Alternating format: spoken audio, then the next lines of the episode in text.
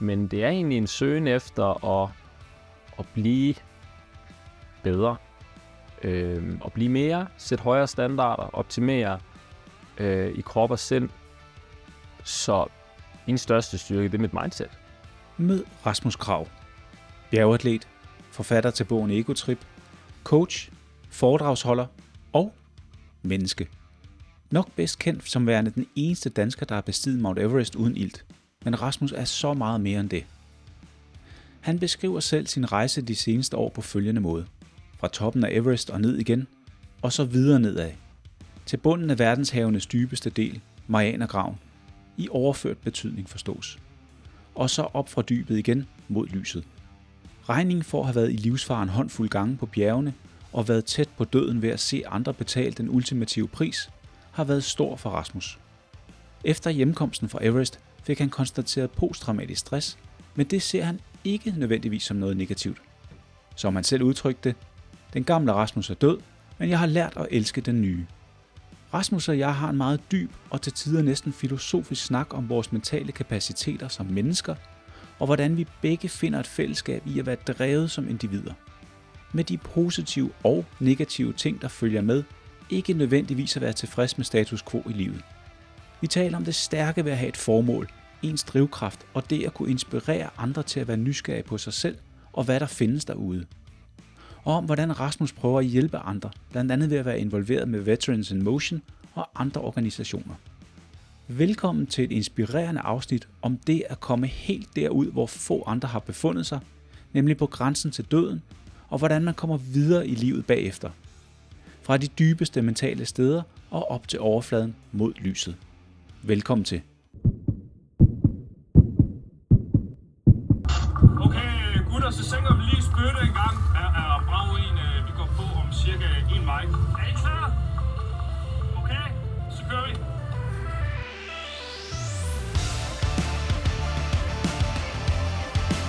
Velkommen til Try Mind podcast.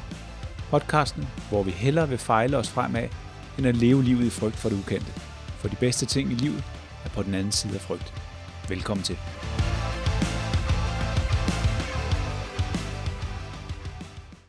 Simpelthen, altså hvor, hvor mange øh, milliarder har du ude at give for det her udstyr? Øh, ikke fordi jeg behøver et tal, men øh, det er ret, øh, det, det virker sgu ret brugt, det her setting.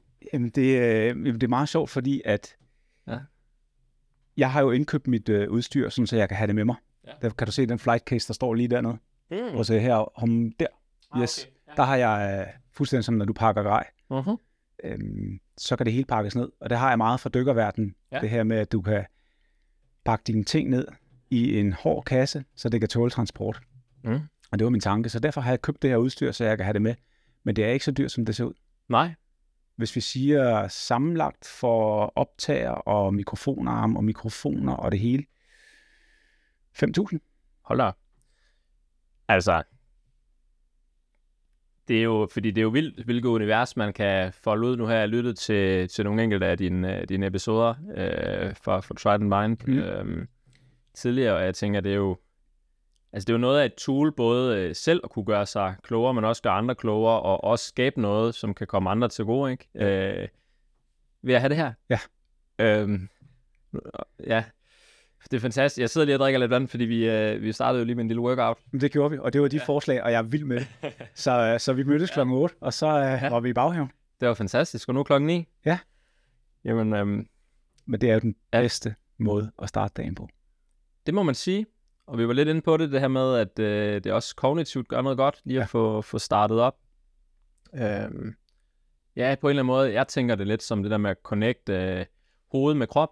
Mm. Øh, og nu har vi begge to været meget, øh, været meget gode med vores krop på, på hver sin arbejdsfront, ikke? Øh, så der er sikkert, li- ligger sikkert et eller andet, der indlejer der, men jeg tror egentlig, at alle har, har godt af det. Man får lige banket nogle, noget, noget blod igennem, noget ild igennem kroppen, og, og man får, får koordineret nogle bevægelser. Altså kognitivt, der tror jeg altså også, det gør noget. Øh, Ja.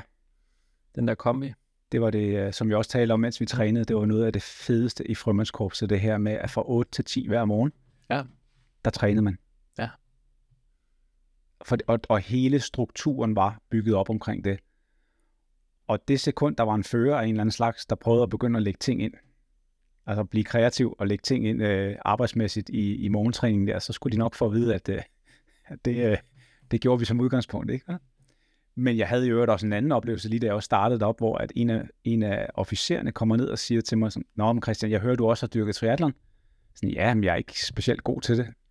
Nå, men skal du med ud og svømme i frokostpausen? Sådan, I frokostpausen? Så ja, ja, vi mødes hernede kl. 12, og så svømmer vi et par kilometer. Øh, så, så gjorde vi det ikke. Og, og jeg kan huske at gå ind til min chef og sige, altså der er en her, øh, han vil godt ud og svømme med mig i frokostpausen, er det okay? Og min chef grinede, ikke? Så bare, ja selvfølgelig er det det, det gør du da bare. Okay, altså jeg havde ikke været på sådan en arbejdsplads før, hvor man gjorde sådan nogle ting. Ah, så det var, det var lidt en kontrast fra... Ja, hvor kom du fra øh, før, før formandskorps? Ja, det var så politiet. Ja, det var politiet. Ja, ja var det. Mm. Og der er jo masser af specialafdelinger der, hvor du godt kan træne. Ja. Eller ikke masser, men der er i hvert fald nogle specialafdelinger, hvor man gør det i det almindelige beredskab. Der er der ikke tid til sådan noget. Nej, Jeg tror på 10 år, så har jeg trænet i arbejdstiden fem gange. men det er jo en interessant øh, frase, hvis, hvis vi bare lige tager den ud. Øh, det er der jo ikke tid til. Ja. Så kan man jo så også sige, når man øh, er der tid til det i frømandskorpset? Ja, man skaber tid. Man skaber tid. Ikke? Man, Fuld- man prioriterer Det det. er rigtigt. Det er vel nok i virkeligheden, øh, det er i hvert fald sådan, jeg ser på det, eller Ja. det jeg hører. Nu har jeg ikke været nogen af stederne. Jeg har selv været, øh, været, øh, været en årrække i, i herren, og også været oppe og prøve kræfter med jærkorpset, øh, og kom ikke igennem, øh, men, øh, men kom alligevel så langt i optagelsen der, øh, at jeg fik et indtryk af, hvad det var for en kultur, og det snakker vi jo også lidt om, da vi Ja. jammede over, over, over træningen herude, men at der faktisk er stor kulturforskel på frømandskorpset og jærkorpset. Ja. Øhm, nu, nu er det ikke kun baseret på min egen øh, oplevelse deroppe, men også øh, dem, jeg der kender i mit netværk, der både har været der og er der. Øhm, ja, og det, vi behøver ikke dykke mere ind i det, men jeg synes bare, det er interessant, hvordan man øh, i specialiserede miljøer, hvor man skal være de bedste af de bedste, kan, kan have helt forskellige tilgang til tingene. Ja. Øh, når vi ser på tværs af politi og de to specialkorps, og sikkert også, hvis vi kigger ud i alle mulige andre steder af samfundet, øh, erhvervslivet, øh, elitesport, i det civile. Ja. Kulturen har så meget at sige, og hvis man tror på, at det her det er the way to do it, så er det det, man gør. Øhm, Og der vil jeg jo ønske, at vi ud fra et samfundsmæssigt og et samfundsøkonomisk mæssigt synspunkt kunne blive bedre til at trække på hinandens ressourcer. Jeg havde en, en aha-oplevelse, jeg tror, jeg nævnte den, har nævnt den før i podcasten, men det her med at komme på skydebanen første gang med formandskorset. mm-hmm. Der bliver bakket en fuse-trækker ned, så bliver ladet åbnet, og det er fyldt med ammunition. Mm. Og jeg stiller det her lettere naive spørgsmål til gutterne. Hvor mange skud må vi affyre? Og de er flade grin. Så hvad snakker du om? Så hvor mange skud må vi affyre? Fordi i politiet, når vi har skydninger, så var der 50 skud. Og de forstår ikke, hvad jeg mener. Men vi skyder det hele, og hvis vi mangler, så fylder vi bilen, og så kører vi herned igen. Og jeg kan huske at stå der, og de, de grinede. Og så måtte jeg jo forklare dem, hvorfor. Men jeg skød flere skud på en formiddag på en skydebane i frømandskorpset, jeg nogensinde har gjort i politiet. Sammenlagt. Det er niveauforskellen. Okay. Mm, det er niveauforskellen. Så jeg kunne egentlig godt, jeg blev lidt nysgerrig her. Øh, synes du, det er ret og rimeligt, at man øh, affyrer max? Kan folk begrænse sig? Er det dit indtryk? Eller Ja, bliver det ja, også ja. sjovt ballade på Nej, tidspunkt? nej, nej, nej. Der er slet ikke noget sjovt ballade. Overhovedet. Okay. Slet ikke. Så, så man, Det- det... man får lige så meget ud af hvert skud, vil du sige, øh, i 100%. frømandskorpset? Ja, 100 procent. ja. Okay. Det lyder du ret Det- overbevist om. Ja, meget. Mm. Meget. Øh, Det har jeg været nok på skydebanen til, og altså, jeg har jo oplevet begge miljøer. Mm. Og min, min pointe med det, det var det her med, at, at, øhm, at det gik op for mig der, hvor dårligt skydetrænet jeg egentlig var. Og det ved jeg, og, og inden der er nogen, der hisser sig op over det, så er det jo, det er blevet bedre i politiet, Mm. men da jeg var der, var det ikke særlig godt. Og det er jo derfor at vende tilbage til det, vi snakker om med at lære hinanden. Der kunne jeg jo godt tænke mig nogle gange, at vi var lidt bedre til i de her miljøer og, og lære hinanden. Men altså, jeg er, jeg er jo egentlig bare, øh, jeg er jo fuldstændig on page med det her, fordi øh, det jeg jo tænker, når du siger det, det er jo, øh, jeg ved selv, hvordan det er at være i et elitært, et specialiseret miljø. Jeg ved, at kapaciteten mentalt og fysisk, øh, og inden for det, det, man nu er rigtig god til, den er langt større.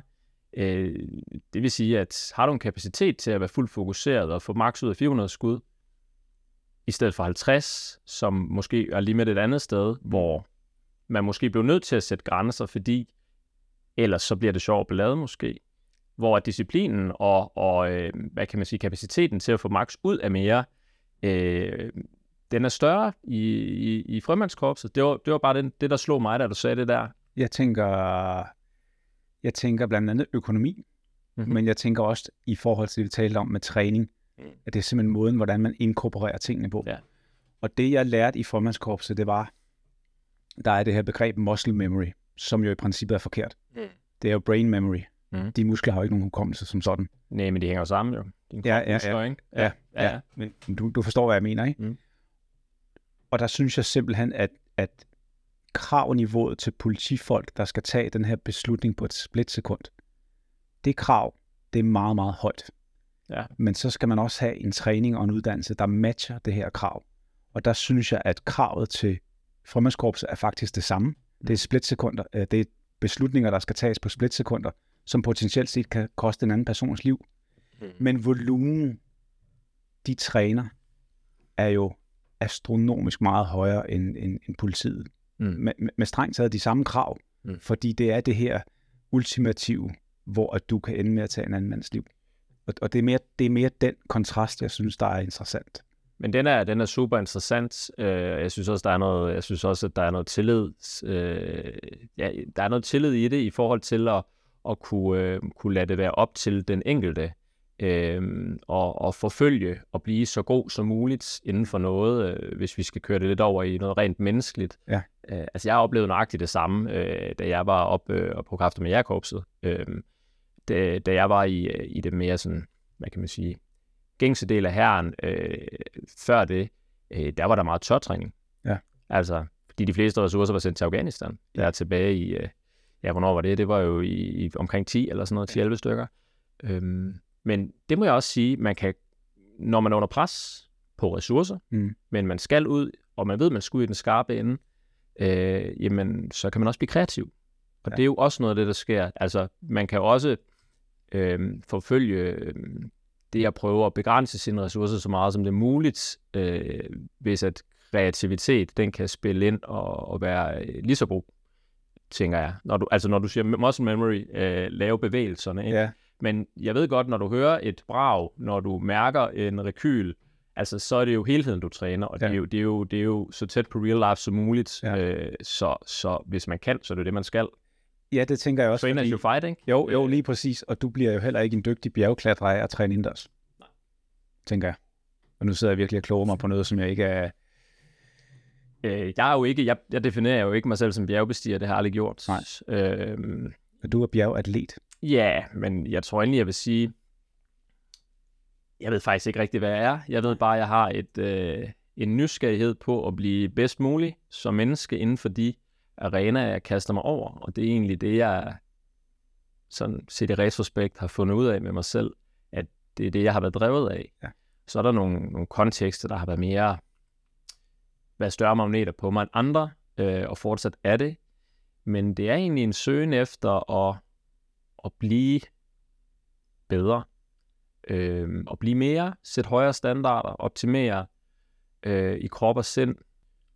Så min største styrke, det er mit mindset. Mhm. Det, øh, det er det, det altid har været.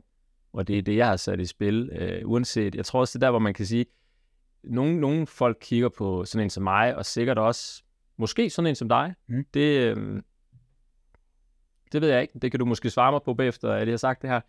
Øh, det her med, jamen, uanset hvad du kaster dig over, så bliver du god til det. Ja. Så lærer du hurtigt, så kan vi snakke om, nå, har du en god genetik? Øh, hmm. Det ved jeg, jeg ikke har. Mm. Øh, jeg tror, at det er villigheden til at øh, turde kigge ind i sine svagheder og sige, okay, fair nok, der er udviklingspotentialer. Øh, og have lysten til at blive bedre. Hele tiden være i udvikling. Og hvad der så driver ind til det, og hen imod store, ambitiøse mål, øh, det er jo så en anden snak. Mm. Men, øh, men, men jeg tror, det er der, den ligger. Den, I højere grad, end den ligger i, at man er født med den og den krop. det bliver hurtigt, hvis man fortæller sig det narrativ, så bliver det hurtigt en begrænsning for en selv, er min, er min erfaring. Vi kan hurtigt putte folk i kasser, og Ja. putte os selv i kasser. Ja. Øh, og sige, at vores øh, grænsen på vores kapacitet, vores, vores komfortzone, den går her, og det, det er virkelig også vores, vores absolute limit. Det er ikke bare en limit, vi kigger ud over og faktisk kan flytte på. Det er øh, som at have, ja, ja, som at, som at bo i et fængsel, vil jeg næsten sige. Det er næsten den følelse, jeg får, øh, hvis jeg forestiller mig selv være sådan totalt, have defineret mig selv som værende, det her, det er det, jeg er, og det er det, jeg kan. Og, og så aldrig nogensinde ville eller turde kigge ud over det. Øh, Det er min værste frygt. Det er men- Altså, at Ja. hvis jeg vågnede en, hvis jeg vågnede en morgen og var tilfreds med det hele, jeg, jeg er ikke sikker på, at det ville være særlig godt for mig, fordi jeg er, jeg har så meget appetit på at lære, at blive klogere og blive dygtigere og, og, og tage de her ting, som, som jeg har af mentale udfordringer, som nogen vil kalde skavanker. For mig der er det nogle udfordringer, som jeg skal finde ud af, hvordan jeg løser og bliver bedre til, og det tager mig formentlig resten af mit liv. Men det er jo den der søgen mm, efter noget, der måske ikke altid er håndgribeligt, men, men jeg er så drevet af at, at hele tiden lære noget nyt og, og, og udforske. Og sådan en fuld opbremsning, hvor det blev taget fra mig, mm. så kan jeg lige så godt køre mig på plejehjem. Ja. Giver det nogen mening? Jeg tænker lidt, du er, du, du, Ja, ja, vi det- snakkede, da vi trænede, snakkede vi om det her med at være drevet. Ja. Det, det er et ord, jeg godt kan lide. Jeg har været drevet. Fordi der, der, der ligger en eller anden kraft i det ord. Ja, der ligger Synes noget bevægelse. Noget, der, er- noget, der er, øhm, noget, hvor, hvor status quo ikke eksisterer, øh, men hvor, mm, hvor, hvor, man, øh, hvor man ønsker at flytte, flytte sig et andet sted hen, end, end der, hvor man er, og mm, hvor der ikke er noget, der er taget for givet, tænker jeg. Øh, ja, der, der, ligger, der kan ligge utrolig mange ting i det. Ja. Øh, men nu kommer jeg egentlig til at tænke på, øhm, du, du nævner meget det her 1% mindset. Mm. Er det det her med at gøre, tage nogle små skridt hver eneste dag, Ja. der flytter en øh, Ja.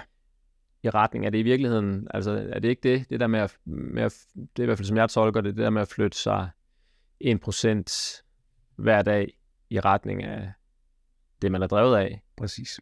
Øhm, Og så er det hele filosofien med, som du også nævner det, og jeg tror faktisk også, du nævner det i, i indledningen til din bog. Ja, egotrip, som du har der foran Ja, dig. ja, ja, og, og vi, vi startede helt stæv, skævt sted, og du skal nok få lov til lige at, at, at præsentere dig selv om et øjeblik, men, men og nu sagde du det selv, ja. det her med status quo. Mm. Jeg er personligt ikke interesseret i status quo. Jeg vil blive 1% ja. bedre hver dag. Ja. Det er mit mindset. Hvad er det, du frygter ved status quo? Ligegyldighed. Ligegyldighed. Det er det første ord, der lige popper ind i min hjerne. Mm. Nu, nu arbejder jeg jo også som, øh, som coach, så jeg, nogle gange så det der med det talte ord det, øh, og, og samtalen og sådan noget, det, det kan man jo godt komme til at dykke meget ned i, for der, der kan findes meget guld. Ja. Øh, så øh, jeg tænker, hvad hvis vi skulle prøve at se på noget smukt i status quo? Ja. Kan der, hvad, hvad, kunne, hvad, kunne der, hvad kunne man tænke sig at kunne finde der? Men status quo kan jo sagtens være smukt, fordi status quo kan jo betyde, at du laver en form for opbremsning i dit liv. Behøver der være en opbremsning? For mig vil det være en opbremsning. Så du er hele tiden i bevægelse? Altid. Altid i bevægelse? Altid. Det er en styrke og en svaghed. Ja. Når du altid er i bevægelse, hvad så med, hvad så med pauser og restitution? Nu tænker jeg også Det- mental restitution. Går jeg rigtig meget op i. Så det, der tvinger du dig selv til at... Så, så når du hele tiden er i bevægelse, betyder det så, at det er en balanceret bevægelse, hvor du husker at have dig selv med, Jeg vil ønske, at jeg kunne sige ja. men, det, men hey, igen, 1% bedre hver dag, er det det, du, øh, er det det, du stiler efter? Ja. Ja. Okay, så at være i bevægelse, men uden at miste sig selv undervejs Ja. med, med hastigheden. Ja. Okay. Men, Mm. der ligger jo et men. Mm. Fordi jeg har også lært, at det her med at kunne... Jeg har for eksempel lige nu, alle de stresssymptomer, jeg oplevede, da jeg var syg, de er væk. Jeg ved ikke, hvor min grænse den går hen. Hvad? Og, og det kan jo umiddelbart lyde som om, at jeg har fundet en eller anden, øh, fundet de vise sten, men, men tværtimod, det er faktisk noget rigtig skidt. For det vil sige, at jeg kan presse mig selv på en måde nu, hvor alle de ting, jeg har lært at genkende, Mm. de er der ikke mere. Nu står jeg et nyt sted i mit liv. Ja. Der var en, der sagde til mig i går, som jeg havde en, en, en rigtig god snak med, Trine, der også var på pod, i podcasten i sidste uge. Hun sagde det her med, må, måske har du i virkeligheden skrevet din bog for tidligt. Mm. Og det er en god pointe. Mm. Men, men man skal jo så også, altså noget andet, man er nødt til at skrive bogen på et tidspunkt, fordi ellers kan man jo blive ved, og så bliver den aldrig skrevet. Men, men det her med, at, at nu at stå et nyt sted, og ikke nødvendigvis kunne genkende. De alarmsignaler, jeg har lært. Så derfor så er jeg nødt til at tvinge mig selv til at lave restitutionen og pauserne, og så simpelthen lægge dem ind. Vi er simpelthen nødt til at bygge nogle rutiner ind, så du, øh, så du kommer ja, dig selv øh, og din, det, dit drive i forkøbet faktisk, ja. så det ikke river dig i stykker. Fuldstændig rigtigt, for det flår mig i stykker. Men, øh, men altså, der resonerer du jo fuldstændig øh, inde hos mig. Altså, det er nøjagtigt det samme, jeg har måttet øh, gøre. Jeg har også, jeg har også øh, øh, få- fået, fået konstateret øh, posttraumatisk stress øh, fra, fra min arena, Ja. øh, og nærdødsoplevelser og ting og sager fra, fra bjergene. Øh, det, du siger med din bog, det er ret interessant. Men øh, føler du dig fastlåst i det billede, du nu har det er jo et øjebliksbillede, man smider ud til verden. Ja, det er det nemlig. Føl, føler du dig fastlåst ja. I din identitet, der Ja. ligger i den? Ja. Okay. Det gør jeg. Kunne du, hvordan, hvis du skulle lave det om, hvad, Jamen, jeg vil ikke lave noget om. du vil ikke lave noget om? Nej. Okay, så du er afklaret med det. Fuldstændig. Ja. Men Interessant. det kan, ja, din, din bog er jo også, det er jo også et øjebliksbillede. Jamen, jeg skulle til at sige det. Altså, øh, ofte, når man, øh, når man øh, arbejder, så... altså, jeg lærer jo meget ved at snakke med mennesker, også når jeg arbejder med klienter, jeg coacher. Mm. Jeg arbejder med mentaltræning med, fordi det er jo ofte også... Nysgerrigheden er jo drevet af et spejl. Mm. nysgerrighed på en selv. Ikke? Så man holder op. Øh, jeg har længe følt mig følt en kæmpe distance til den bog der. Mm. Og der er nok en grund til, at jeg ikke har... Jeg ved det ikke. Øh, man kan finde på alle mulige undskyldninger, men der er nok en grund til, at jeg endnu ikke har fået den oversat til engelsk og har sprayet den ud til højre og venstre. Der er nok en grund til, at jeg gerne vil have den, øh, hvad kan man sige, skrevet om, lavet den i en special edition, hvor at der er en langt større del af den, det kapitel, der hedder, hvad er der sket de sidste tre år? De sidste fire år siden jeg nåede toppen faktisk. Øh, øh, hvem er jeg blevet? Mm. Øh, fordi det, øh, det her, det bliver jo lidt, og det, det er det der med at blive fastlåst i en, føle sig fastlåst, er det nok i virkeligheden, fordi jeg kan jo ikke sige, hvad der sker inde i andre mennesker. Mm. Men jeg ved, at vi er rigtig gode til at putte hinanden i bokse, i kasser, øh, og, øh, og have fordomme øh, og forestillinger omkring ting. Og jeg ved, at jeg er bjergbestiger. Mm. Jeg ved, eller det har jeg været, og jeg ved, at det er en identitet, nu sagde jeg i starten, som jeg egentlig aldrig har følt passer på mig. Jeg har aldrig set mig selv på den måde. Jeg har altid set mig selv som en menneske. Øhm, I bred forstand. Og jeg vil gerne, øh, har altid gerne vil mødes som menneske og møde andre som et menneske, og det er blevet rigtig klar over.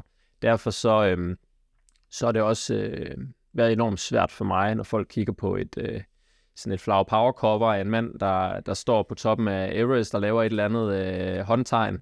Øhm, det er et fedt billede. Og, og ved du hvad jeg har lært? Jeg har lært at elske det der, fordi det er noget, jeg kan stå på. Det er, det er, det er noget, jeg nu har puttet noget ud i verden, så nu behøver jeg ikke at forklare det der længere i virkeligheden. Nu kan jeg i virkeligheden bevæge mig videre til at, øh, at, at fortælle, hvad jeg har lært, og hvad andre kan bruge det til. Øh, hvad jeg har lært af menneskelige universelle ting.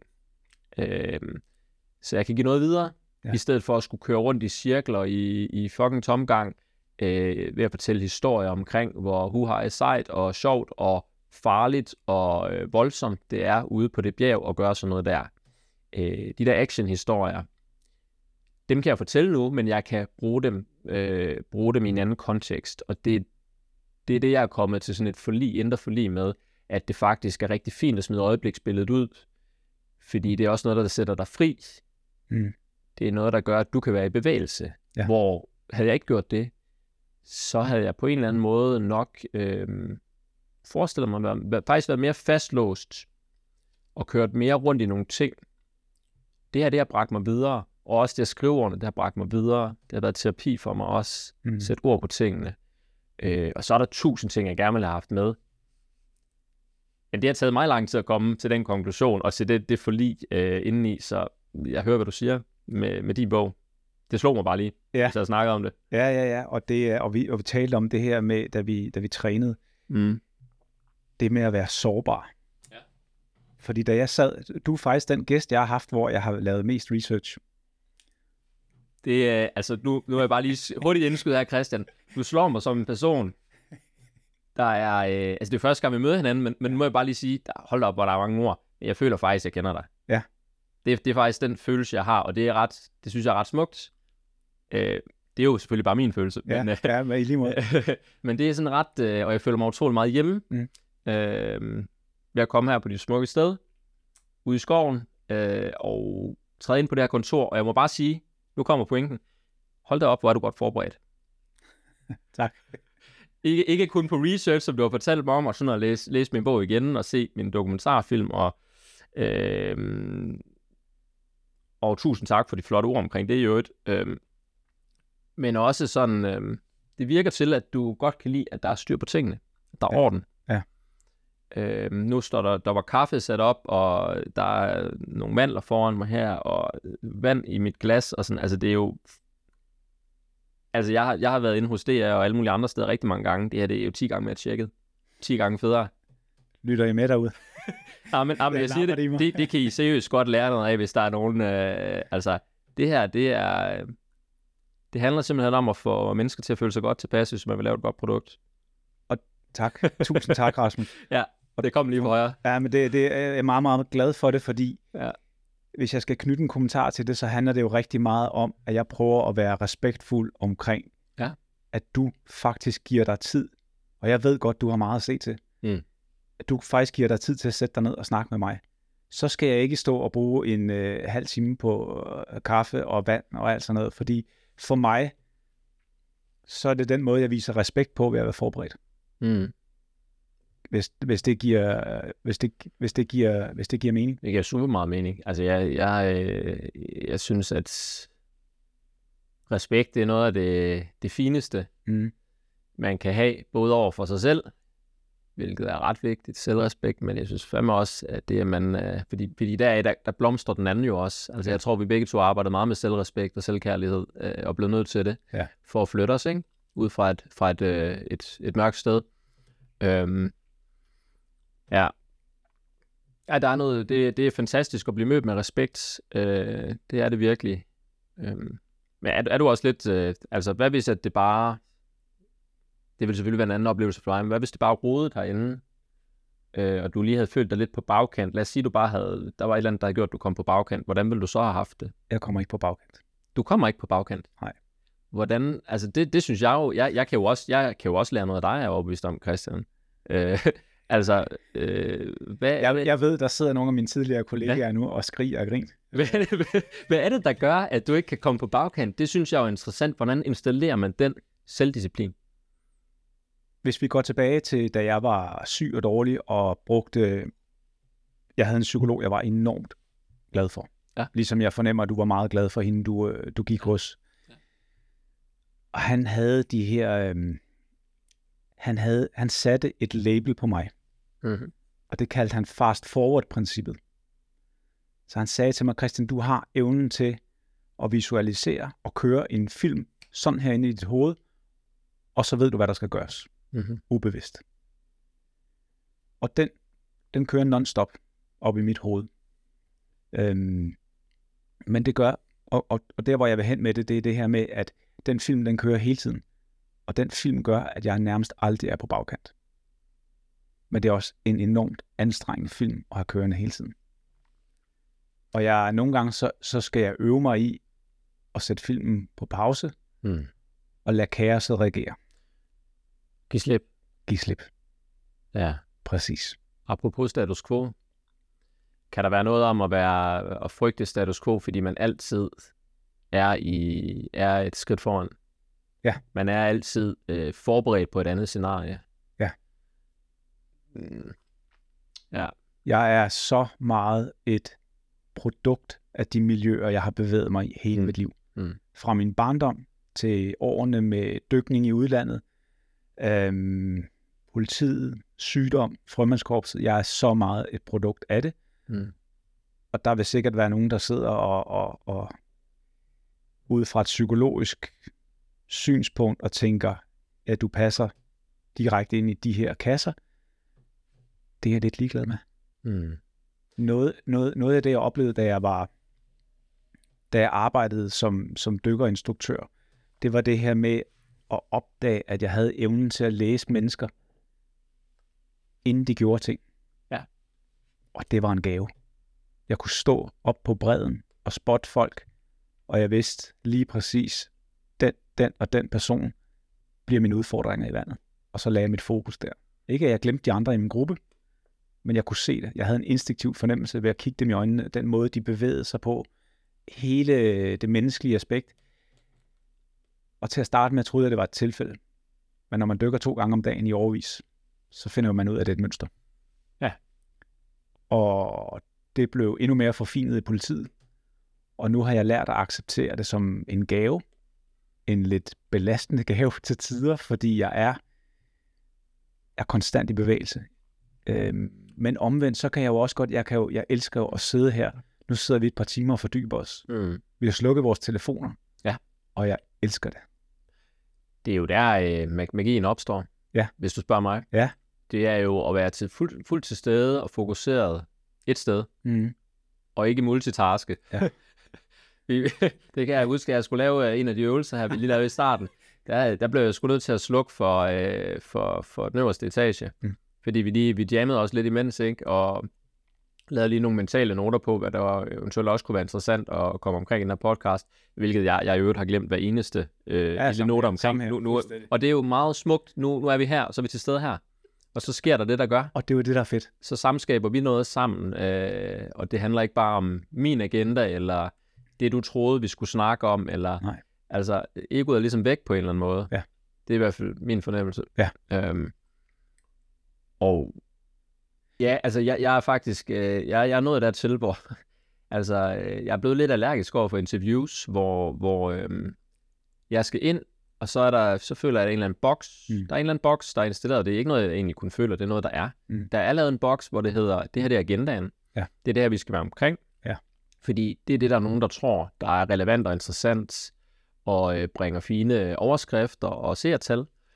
Og øh, så kører det bare på automatpilot. Der er ingen, der er ingen øh, samskabelse. Man bliver nødt til at gå ind, og så bliver man nødt til at hoppe over en eller anden uh, jeg sagde noget, der var uventet hurdle, eller noget, jeg egentlig kunne mærke indeni, øh, hvis man skal overraske. Ellers så er det så øh, scriptet på forhånd, øh, mere eller mindre. Øhm, det er i hvert fald den fornemmelse, jeg har fået, og øh, er at være til så mange interviews, og det hænger mig langt ud af halsen. Fordi det menneskelige bliver ud af det, og egoet får lov at leve, og vi rykker ikke rigtig noget, synes jeg ikke. Øh, her sidder vi og rykker noget, Ja. fordi vi er nysgerrige sammen, og vi går på opdagelse sammen, Ja. og vi lærer hinanden. Ja, og jeg med på, at det er, så, det er, og det, det er smukt, smukt formuleret, Rasmus. Og jeg sidder jo, nu sidder jeg her med din bog, og den her, altså, men, men, men det jeg tænker, det er, lad mig give dig et eksempel. Ja. Så på, inde på DR's hjemmeside, Mm. der ligger dokumentaren om dine Everest, Mm. to forsøg og, og et gennemført uden, uden ilt. Mm. Men så ligger der også et afsnit, der hedder Efterspillet. Ja. Jeg synes jo, at efterspillet er langt mere interessant. Men jeg er helt enig. Det er da klart, øh, det, øh, Jeg har den største respekt. Ja. for dig som atlet, Mm. for det mindset, du bringer til bordet. mm, Men det er mere interessant for mig. Det er ikke din præstation som sådan. Og det kan jeg godt sige til dig, uden at, at det lyder som mangel på respekt. Men for mig, der er det det andet bjerg. mm. Da du kommer hjem, det bjerg, du møder derhjemme. Øhm, hvordan du er kommet videre derfra. Det er jo der, jeg synes, det rigtige guld, det ligger begravet. Ja. Giver det mening? ja, selvfølgelig. Øh, altså, jeg plejer egentlig at sige, øh, nu til dag, så det er ikke så meget, altså det er ikke, det er ikke det at nå toppen, det er ikke, det er ikke det, de 8.848 meters højde, øh, og alt det der, altså har du et klart mål, og er du villig til at skære nok ting fra og fokusere nok, okay, der er måske noget genetik en gang imellem, hvis du skulle i de sådan helt yderste ekstreme afkroge af den menneskelige fysiologi og, og formålen mm. der, og det, det er toppen af Everest, ja. øh, uden ilt. Ja. Det er helt ude i afkrogene. Det, det, er, det har studier simpelthen vist, øhm, at, at, at det, den menneskelige krop er simpelthen ikke øh, skruet sammen til at kunne, kunne præstere ret meget mere, øh, uanset hvor veltrænet den er. Øhm, og det var også noget af det, der ligesom der rev mig hen imod at prøve at sige, okay, nu installerer jeg mig selv i den kontekst, og jeg har ikke nogen plan B. Altså, jeg skal det her, så, så må jeg jo få det til at ske, og skære nok så meget fra, fokusere nok så meget på det område, hvis det er det, jeg skal, og så må, ja, så må vi se, hvad prisen bliver. Øhm, og det, det lykkedes jeg jo med, men det, det er ikke så meget toppen, det er mere, hvem det har gjort mig til som menneske. Ja. Øhm, det er det, det handler om for mig, og det er det, jeg er stolt af. Og øhm, det, det er det er også det, jeg, jeg snakker om på min foredrag i dag. Ja. Øhm, det her bjerg, det har, hvis vi nu skal snakke lidt om, om sårbarhed, øhm, helt ubevidst, så har det været, øh, så har det været en rejse øh, om at finde mig selv og om at finde ud af, hvem jeg er. Mm. Og det krævede, at jeg kørte mig selv igennem mild og vand derop. Øh, nok, mest, nok mest is og tynd luft. Øh, og øh, satte mig selv under så meget pres øh, og, og, og havde den her meget ensomme rejse. Det var jo et soloprojekt, og det, det var udefra set enormt egoistisk. Øh, jeg havde en masse overbevisninger omkring, hvorfor jeg gjorde det her som også skiftede rigtig mange gange undervejs. Min motivation skiftede mange gange undervejs, og jeg havde hele tiden nogle fortællinger. Ikke? I starten var det en fortælling om, jamen altså, helt ubevidst, jeg bliver lykkelig. Ikke? Jeg, jeg mm. bliver lykkelig, mit liv er fuldendt, hvis jeg gør det her. Så er jeg nogen, ikke? så er jeg noget. Øh, jeg har jo bare let efter opmærksomhed. Jeg har let efter at blive anerkendt. Øh, og så endte det jo med, at, at det skiftede over til, da det ikke var nok, øh, at blive... Øh, øh, at blive formålsdrevet, altså inspirere en masse mennesker. Mm. Så var det det, der efter jeg var ved at omkomme på mit første forsøg, gjorde, at jeg fortsatte på endnu et og endnu et forsøg. Øh, og at, at jeg ikke tog en pause og mærkede efter og nok bearbejdede de traumer, der sad. Både fra det, men også fra tidligere. Mm. Øh, ja, jeg tror, jeg tror, jeg har, jeg tror, jeg kan strække fem fem fingre ud, hvis jeg skal sige, hvor mange gange jeg har været ved at være rigtig tæt på, hvor det lige så godt kunne være tippet den anden vej i bjergene, i forhold til, om jeg var her eller ikke var her i dag. Øh, så, så det var ikke første gang, men det var en af dem, der sidder skarpest i mig. Og øh, øh, altså det er først, nu, nu, nu jeg ved godt, vi, vi, vi hopper lidt øh, ind og ud af, af tangenter, men det, det er først inden for det sidste halvår, jeg er blevet bevidst om, at, øh, og hov, min, min skulder hoppede jo af led, og jeg øh, bøjede nogle ribben og noget. Så noget af det, der gør, jeg er skadet i dag, det er bare, at jeg var ligeglad med det, byggede muskler udenpå, øh, og pushede mig selv videre til næste forsøg og næste forsøg. Og øh, i dag har det gjort, at jeg har en hele højre side, som er rimelig fastlåst, og det har så sat sig ned i, i venstre side af mit ben og så videre, og jeg kommer fra langdistanceløb og øh, havde store planer om at fortsætte min i går sådan karriere mm. efter Everest øh, hen imod øh, bjergatlet. Øh, det er den danske udgave af Kilian Jornet. Ja. Og det har det sikkert ikke været helt umuligt, hvis man kigger på, på fysiologien, men Øhm, hvis jeg kigger på, hvad, hvad det har gjort positivt for mig, det har det fået mig til at stoppe op, og fået mig til at prøve at lede efter, hvem fanden kan jeg så være, når min identitet om at være atlet, og den styrke, jeg har kendt det meste af mit liv, der ligger i det, og i virkeligheden en flugt fra at møde nogle ting, noget smerte, der har ligget, nogle traumer, der har ligget. Ikke? Altså, vi kan kåbe med mange ting, hvis vi bare finder en fortælling, der er stærk nok. Ja. Jamen altså, Nå, men det korte og lange er, at det har været en flugt for mig. Ja. Men det har samtidig også været en adgangsportal til, at, øh, at så, øh, så, blev, så, så, så pressede jeg mig selv så meget i krop og sind, at jeg blev nødt til at, at ramme bunden Ja. rigtig hårdt. Ja. Øh, og så acceptere, hvor fanden jeg stod, og begynde at bygge mig op derfra. Og det er den rejse, jeg har taget, øh, siden jeg ja, siden jeg nok øh, knækkede i, i midten af 19, Mm. øh, og, og nedturen for alvor startede. Og, altså det har været et langt højere, højere bjerg. Altså det, det svarer til bunden af Marianergraven op til vandoverfladen igen, ikke? Det er 11.000 meter. Ja. Det andet, det er kun knap 9 km, det der hedder Mount Everest. Så, øhm, og, og det, altså det, det, det tror jeg virkelig på, når jeg siger det. Det, det er jeg fuldstændig overbevist om. Altså det mod, det har krævet, øh, og det arbejde, det har krævet, og du, du kender det Ja, selv Det gør jeg det er, øh, det er godt, at man har følt sig ensom. Jeg har følt mig ensom på den anden rejse. Men der er folk, der har kigget på mig. Jeg har følt mig ikke glemt. Jeg kan godt sige dig, at jeg har virkelig at gå fra at være, øh, at være nogen til fuldstændig at skulle genopfinde sig selv. Både finde ud af, hvem man er indad til, men også acceptere, at der er ikke nogen, der kigger. Og hvis man har, hvis man har lagt sin identitet i, uh, i anerkendelse, helt ubevidst, når der så ikke er nogen, der kigger, så er det ret svært. Når der ikke er rigtig, når man føler sig glemt af verden. Ja. Øhm, og det, det er der, jeg startede. Det er der, jeg endte, og det er der, jeg har bygget mig op fra. Øh, og øh, det har været noget af et bjerg. Det har været en fuldstændig uvurderlig læringsrejse. Øh, at kigge ind i alle sine egne blinde vinkler og ting og sager, man, man har med sig. Øh, ja, Det er, det er meget, meget flot formuleret. Jeg sidder og tænker, Rasmus, noget af det, jeg oftest hører folk, der har været meget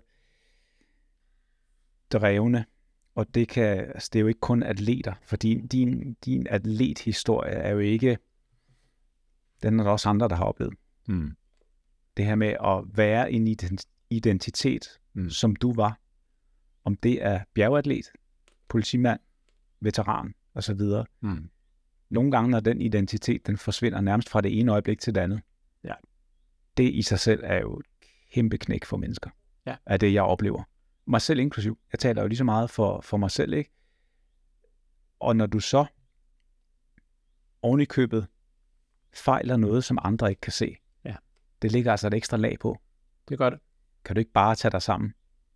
Nej, det, altså, det kan jeg faktisk ikke. Mm. For jeg kan knap nok få benet ud af sengen. Mm. Jeg skal faktisk bruge altså alle mine kræfter Ja. på at svinge benet ud af sengen. og du skulle vide, hvor meget den her samtale, jeg lige nu har med dig, den, øh, hvad den løber afsted med inde i mit hoved.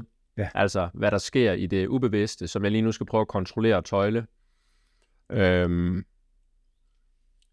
ja, altså, det, det er helt vildt, hvad der, er- hvad, øh, hvad man skal, hvor mange ting man, man skal lære at kontrollere, når man, øh, og lære at forstå og lære at acceptere, når man er sådan et sted med en øh, med posttraumatisk stress, som jo kommer i mange former og farver og, og, og giver, kommer til udtryk på mange måder. Bestemt. Øh, men noget af det, der hjalp mig meget, det var faktisk at, altså,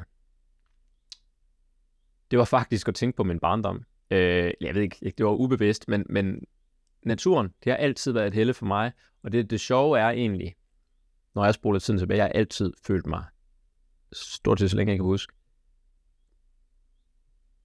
ret meget sådan, sådan været min egen bedste ven. Jeg har, jeg har altid været rigtig god til at være alene. Jeg har altid været ret god til at, at være, gå ud og så klatre i træer, bygge huler, øh, snit i pinden, lave bål. Også med mig selv. Øh, også sammen med andre. Det er ikke fordi, øh, at, at jeg øh, har været asocial på den måde, men altid trives meget godt i det og hvilet meget i det. Så tænker jeg egentlig, okay, der må være et eller andet, øh, hvor at det her med at føle sig hjemme og føle ro, indre ro, stå stærkt i sig selv, det må have mere at gøre med, øh, det må have mere at gøre med, hvordan jeg har det. Øh, det må have mere at gøre med, hvordan jeg har det inde i mig selv, end det har noget at gøre med et geografisk sted. Så jeg flyttede mig ud i skoven. Jeg flyttede mig over i Sverige, hvor jeg faktisk også har pakket til at tage op nu her hen øh, over den næste uge. Øhm, det er sådan blevet mit andet hjem. Øhm, fordi det, det er der øh, ude i, i naturen, hvor der ikke er alle mulige øh, kunstige lyde, der ikke er lad os bare sige det som det er, øh, mennesker, der, øh, altså mennesker, som, som forventer ting er der, mennesker, som aktiverer ting i dig, mennesker, som tror ting om dig. Øh, altså, sådan er vores samfund bare. Vi kan lige så godt bare erkende det. Det er sådan, det er bygget op. Vi går rundt og øh, påtager sin identitet. Halv- øh, 80% af tiden, du sagde det så fint herude, du har haft en gæst ind, der sagde 80-20-reglen, ikke? At, at øh, 80% af tiden bruger vi egentlig på at, at lave skuespil. Ja. Øh, 20% af tiden handler om at komme ind til, til det, der betyder noget, hvor vi kan sidde og være ærlige, ikke mindst over for os selv, og derfor også over for andre, ikke? I en samtale, ligesom vi har nu her. Ja. Og øhm, så noget af det, jeg har, jeg har simpelthen lært også at stå ved, det er, at det ikke er en fejl med mig at flytte mig væk. Det er faktisk, jeg ser det faktisk som en gave i dag, fordi jeg, jeg er blevet hypersensitiv over for ting, som i virkeligheden er unaturligt, som i virkeligheden bare aktiverer de øh, urinstinkter, vi har i vores nervesystem, som, som vi har haft de sidste, jeg ved ikke, siden stenalderen. Ja. Altså, naturen beroliger os. Ja. Kunstige lyde, altså hvordan skulle vi nogensinde kunne finde ro i noget, som hele tiden sætter vores nervesystem i alarmberedskab? De fleste mennesker har bare gjort det til normalt, når de er ikke blevet udfordret nok, de er ikke blevet kørt nok ud på kanten, eller kørt sig selv nok ud på kanten til at nå dertil, hvor de bliver nødt til at gøre op med det. Men vi lever alle sammen i et fundament af stress, de fleste af os. Ja. Og det er jo skræmmende. Ja. Så jeg er så glad for, at jeg er blevet nødt til at gøre op med nogle ting, og indbygge nogle regler for mig selv, der gør, at jeg kan være i balance, og det gør jeg altså bare stille og roligt, et skridt ad gangen, når man så begynder at bygge op nede fra bunden af den der Marianergrav der, Ja. op mod lyset igen, så kan du jo, du kan jo skabe nye rutiner, du kan skabe nye vaner. Det kan godt være, det tager tid, men sætter du en retning. Jeg er en langt bedre version af mig selv i dag, end jeg var dengang. Meget stærkere, meget mere afklaret. Øh, ja, jeg møder folk på en langt federe måde. Jeg møder mig selv på en langt federe måde. Jeg er, selvom jeg har lidt skavanker i min krop fysisk, så vil jeg sige, at jeg kan gå ud og præstere bedre i stort set alle henseender.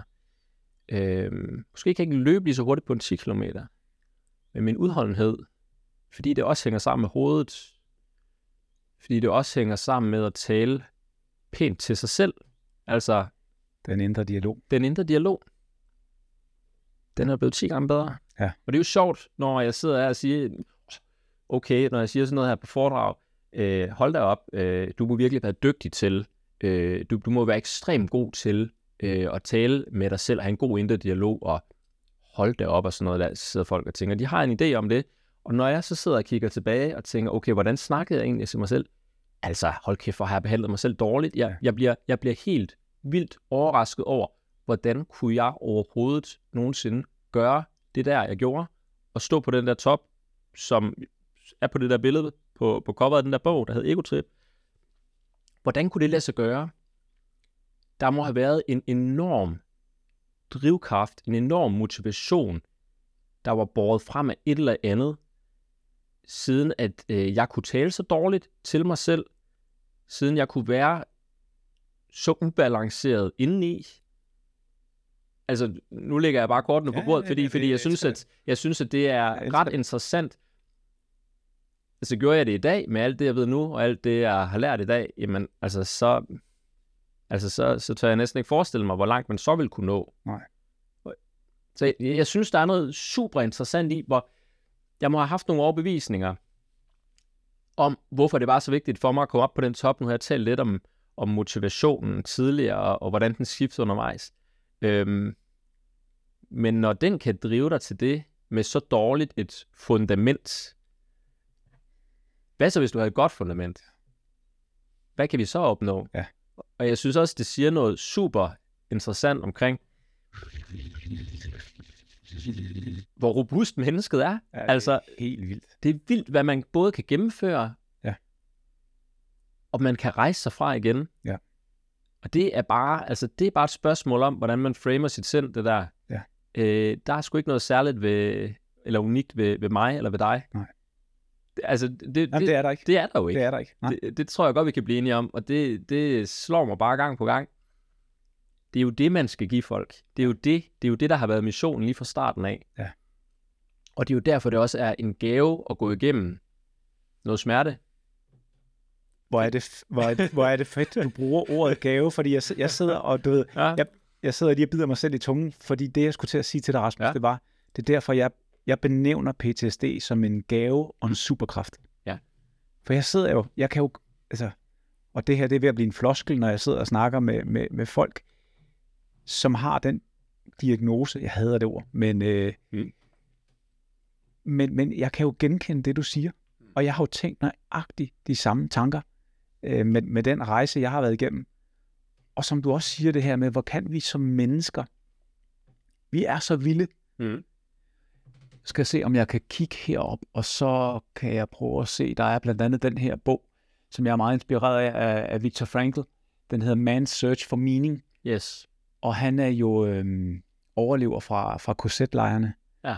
Øh, sådan nogle bøger bliver jeg meget inspireret af, fordi det er jo virkelig, der er vi jo også nede i essensen af, jeg er meget fascineret af det, her nævnt tidligere, det her med, hvem der overlever og hvorfor. Hvor er det, du finder dit øh, drive, når det virkelig er der, hvor at enten så Helt kan du... derude, Altså, helt derude, som du også nævner i din bog, derude, hvor at, at, at vi, er, vi er skubbet så langt ud, om det er på, på Everest uden ilt, eller om det er i korsetlejren, eller, eller i, i andre situationer. Vi, vi, vi er helt derude, hvor at der er så nogen, der vælger den ene vej, og nogen, der vælger den anden. Og hvis jeg skal bruge en analogi fra, fra din bog, og jeg, jeg er nødt til at sige, mens jeg husker det, til dem, der lytter med, nu har jeg læst Rasmus' bog flere gange, og, og, og det, det er lidt gaven, der bliver ved med at give, fordi jeg, op, jeg opdager nye ting, når jeg læser den. Men der, hvor jeg vil hen med det, det var, det der slår mig meget, Rasmus, det er det her med, at du kan vende om. mm. Og for folk, der ikke...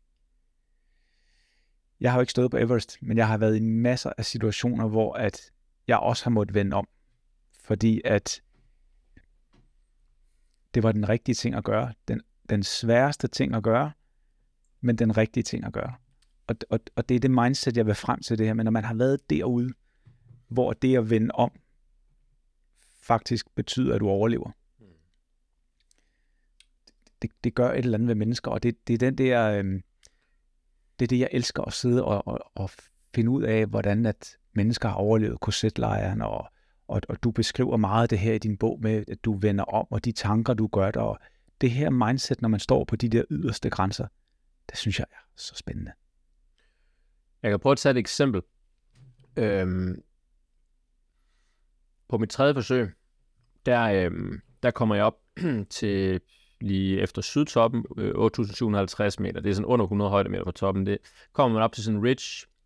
Jeg har i bog, min bog har jeg kaldt den Stairway to Heaven, ja. fordi at det er bare det er bare sådan en ridge, hvor at der er et par tusind meter ned på den ene side, og i den anden side er der 3.000 meter ned til en gletsjer i Tibet, eller i Kina.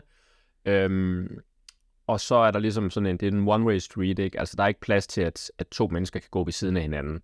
Er vi enige om, det er der, de famøse billeder, de stammer Ja, fra? Ja. Det er de her billeder, som var på, på alle forsider i 2019. Ja. Øhm, de bill- det billede er jo taget dagen inden jeg nåede toppen. Øhm, Okay. Jeg fik faktisk, apropos øh, scenarier og apropos teamwork, jeg havde øh, en, min, min øh, supporter og min gode ven, Rasmus øh, Folino, som også har hjulpet mig med at, alt det fysiologiske Mm. mm. øh, omkring det her. Han var, var med derude, og han øh, lavede en, en timelapse, øh, nogle, øh, faktisk på den nat, hvor, hvor jeg skulle have klatret op øh, og startet mit topforsøg ned fra Basecamp, hvor der er de her mange hundredvis af mennesker, øh, som hvis pandelamper lyser op igennem isfaldet, og så går han hen og viser mig, den mig, og jeg har altså lige klart ud af min sovepose, og er i gang med at pakke, og skal afsted øh, efter planen om, om en god time. Og øh, siger, sådan her ser det ud. Øh, hvis vi regner lidt fremad, så er klassikeren, at de her de går efter øh, den, øh, den 22. maj. Okay. Så fint nok, vi udskyder til den 23. God beslutning. Så da jeg kommer ned, der, øh, der sker der så det, at øh, jeg tror 100 meter fra mit telt, der, øh, der ligger de bunken af bodybags. Øh, ja, så der var 11 mennesker i svinget derovre.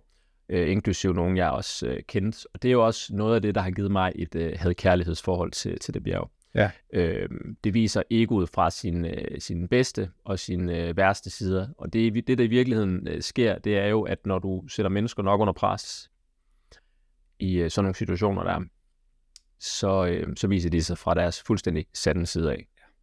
Og øh, det kan både være smukt, og det kan også være utrolig egoistisk og Ja. utrolig øh, tragisk. Ja, fordi når du siger one-way street, så er det jo ikke, hvis vi tager en analogi på en gade, så er det ikke sådan, så du kan, du kan ikke, altså, du kan ikke fysisk køre to biler ned ad den her one-way street, som du i princippet kan mange steder. Det er jo ikke sådan, det foregår, når du står deroppe på den kant. Der er jo vidderligt kun Ja. en vej fremad. Er det ikke? Jo, Altså. altså, altså og når du kan der uden, øh, uden, øh, uden, øh, uden ildflaske på, og altså, vi snakker også uden at have en reserve eller mulighed for at tage noget på. Det er ligesom, det er den måde, jeg angreb det på, fordi jeg bliver nødt til at forberede mig til det scenarie, der hedder, at min krop skal kunne klare, min fysiologi skal kunne bære det her. Hvis den ikke kan det, og ikke er preppet til det, så må jeg vende om. Det er det, der har gjort, at jeg har vendt om to gange.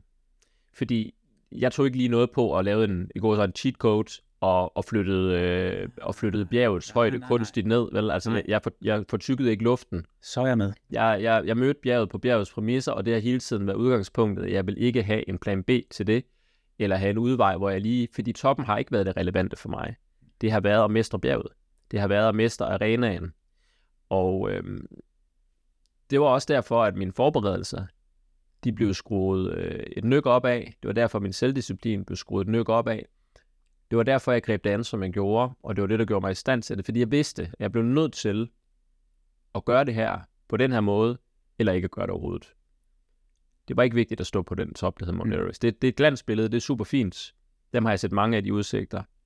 Men, øh, men det er lige præcis det, det gør dig til, og rejsen derhen, øh, som er det essentielle i det. Ja. Og så også det her med at vide, jamen, at du har løbet halvdelen af maratonet, når du står på toppen.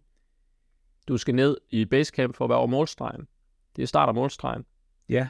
Og, og det er der rigtig mange, der glemmer, og det er der rigtig mange, der glemmer, specielt hvis de har muligheden for at skrue op og ned på en eller anden. Altså det er ligesom, at du kan lade din telefon op og lige forlænge levetiden lidt, ikke? og så kan du sætte den på, øh, på fly mode en gang imellem. Og sådan. Altså det er det, du kan gøre ved din, ved din fysiologi jo. Det, der sker, når du, når du bruger kunstig, det er, at du flytter, øh, du flytter højden på bjerget, altså den luft, der eksisterer deroppe, hvor, hvor, hvor toppen er, den flytter du fysisk ned 1000 meter minimum. Ja. Øhm, og i dag kan du skrue den op på så meget, øh, så, så højt et, øh, et, øh, et flow, at, at du kan flytte den helt ned i 6000 meters højde. Jeg, skulle, ja, jeg, sad, jeg sad sådan lige, du ved, og, og regnede lidt på det, og tænkte også, det, det må efterhånden være langt nede. Ja, ja, men du altså, bruger og kunstig sikkert også endnu mere, fordi du Ja. kan jo efterhånden få sådan en jetpack, der hedder to flasker, og så Ja. for at den kan få maksimal... Øh, Ja. Altså, så det er, det er jo mere blevet et, øh, et, en selvisættelses, øh, selviscenesættelsesarena for egoet, end det er blevet, øh, end det er blevet det her eventyr, jeg startede med at, at forfølge. Det var, jo, det var jo det, der var hele min indgangsvinkel. Jeg tror også, det er noget af det, der blev dræbt i mig. Det var eventyret undervejs, passionen, øh, som jeg begyndte at tvivle på, fordi den, den blev puttet ind i den her sportsarena Mm. i stedet for, hvor at jeg, jeg spillede Superliga-fodbold, mens at, øh, jeg var omgivet af folk, der, der spillede CFM-fodbold, og ikke no offense på det, Nej, men hvis man ikke, hvis man ikke har forberedt sig i relation til det mål, man har sat sig, så er det et problem, når man er et sted, hvor det risikerer at tage andre menneskers liv, hvis det går galt. Konsekvens, ja. Der er respekten igen. Ja. Og der er også selvrespekten. Hvordan kan man nogensinde placere sig selv sådan et sted? Hvordan kan man have respekt for sig selv, øh, og ikke være forberedt, og bare have, have, have sprunget over, hvor gader er lavest, fordi man havde pengene til det? Ja. Det, det, det er... Øhm, det er en kæmpe gåde, men slet ikke uforståeligt for mig. Altså, fordi mennesker er jo nogle... Øh, altså, jeg har jo selv været et sted, hvor, hvor jeg heller ikke kendte mig selv øh, nær så godt, som jeg gør i dag. Øhm, må jeg lige hurtigt fortælle dig den anekdote der fra toppen der, apropos Meget det her gerne. med, med drive? Meget, meget gerne. Det, undskyld, det var mig, der lige fik... Nej. Øh, men men det, det, ja, det må du gerne, Rasmus. Inden du gør det, Mm. så vil jeg sige, at noget af det, der fascinerede mig meget, da jeg læste den anden gang, det er det her med, at du virker og det kan, det kan vi komme ind på, men, men det var den her, det jeg ville hen til, det var den, den her afklaring med at vende om. Ja. Fordi der virker du meget afklaret, men det kan vi tage, øh, ja. Så, så lad os tage anekdoten om, øh, om Men det er egentlig bare for at understrege øh, det her med... Øh, jeg tror på, det stærkeste drive, jeg har også selv oplevet, oplevet det, på egen krop og sind. Øh, når man kigger ind i motivationsteori, altså der, der er jo mange nu, det er også efterhånden blevet sådan en, en floskel, at, at disciplin slår motivation. mm, Men når vi kigger ind i motivation, så tror jeg altså nogle gange, vi glemmer, at det handler ikke om, at vi har lyst til det. Handler om, hvad vi er drevet af. Der er nogle forskellige driver i det. Og vi starter med nysgerrighed. Vi, så nysgerrigheden har mulighed for at udvikle sig til passionen. Og passionen, noget vi er glade for, noget vi elsker at gøre, noget vi er gode til, øh, kan udvikle sig til formålet. Og der ligger altså en potent driver i det, i formål. Følelsen af formål. Det er faktisk en driver i motivation. Så er der autonomi og mestring. Ja. Jeg tænker, der er mange arbejdspladser, der også kunne lære lidt om det. det er enig om, ja. Nå, men det interessante er jo, en ting er at inspirere andre, og at man ligesom finder, hvad kan man sige, mening i, at ens egen smerte øh, og hardships, øh, at øh, det er okay, fordi at det kommer flertal til gode. Ja. Ikke? Altså, jeg er en soldat, der går ud i krig. Jeg offrer mig for mit fædreland for, at millioner kan leve fredeligt. Ja. Der er et formål, man tror på. Men øh, der er noget op over den der sydtop, og, øh, og når, øh, jeg kan kigge hen på Hillary Step, det er sådan det sidste nyk, før du kommer op til den sidste lille øh, skibakke op mod øh, toppen. Ja. Øh, der ved Stairway to Heaven, der, øh, der får jeg simpelthen bare et angstanfald. Altså min, min, og det, det, det er simpelthen bare min krop, det er simpelthen min krop, der sender den sidste øh, den sidste, øh, tænder den sidste øh, advarselslampe og siger, hey, lige nu der er du i gang med at gøre noget ved mig, som øh, jeg ikke er beregnet til, du er i gang med at slå mig ihjel. Mm. Øh, det er jo interessant, hvad er det, der får hovedet til, fordi jeg fortsætter, hvad er det, der får hovedet til at kunne overrule kroppens signaler?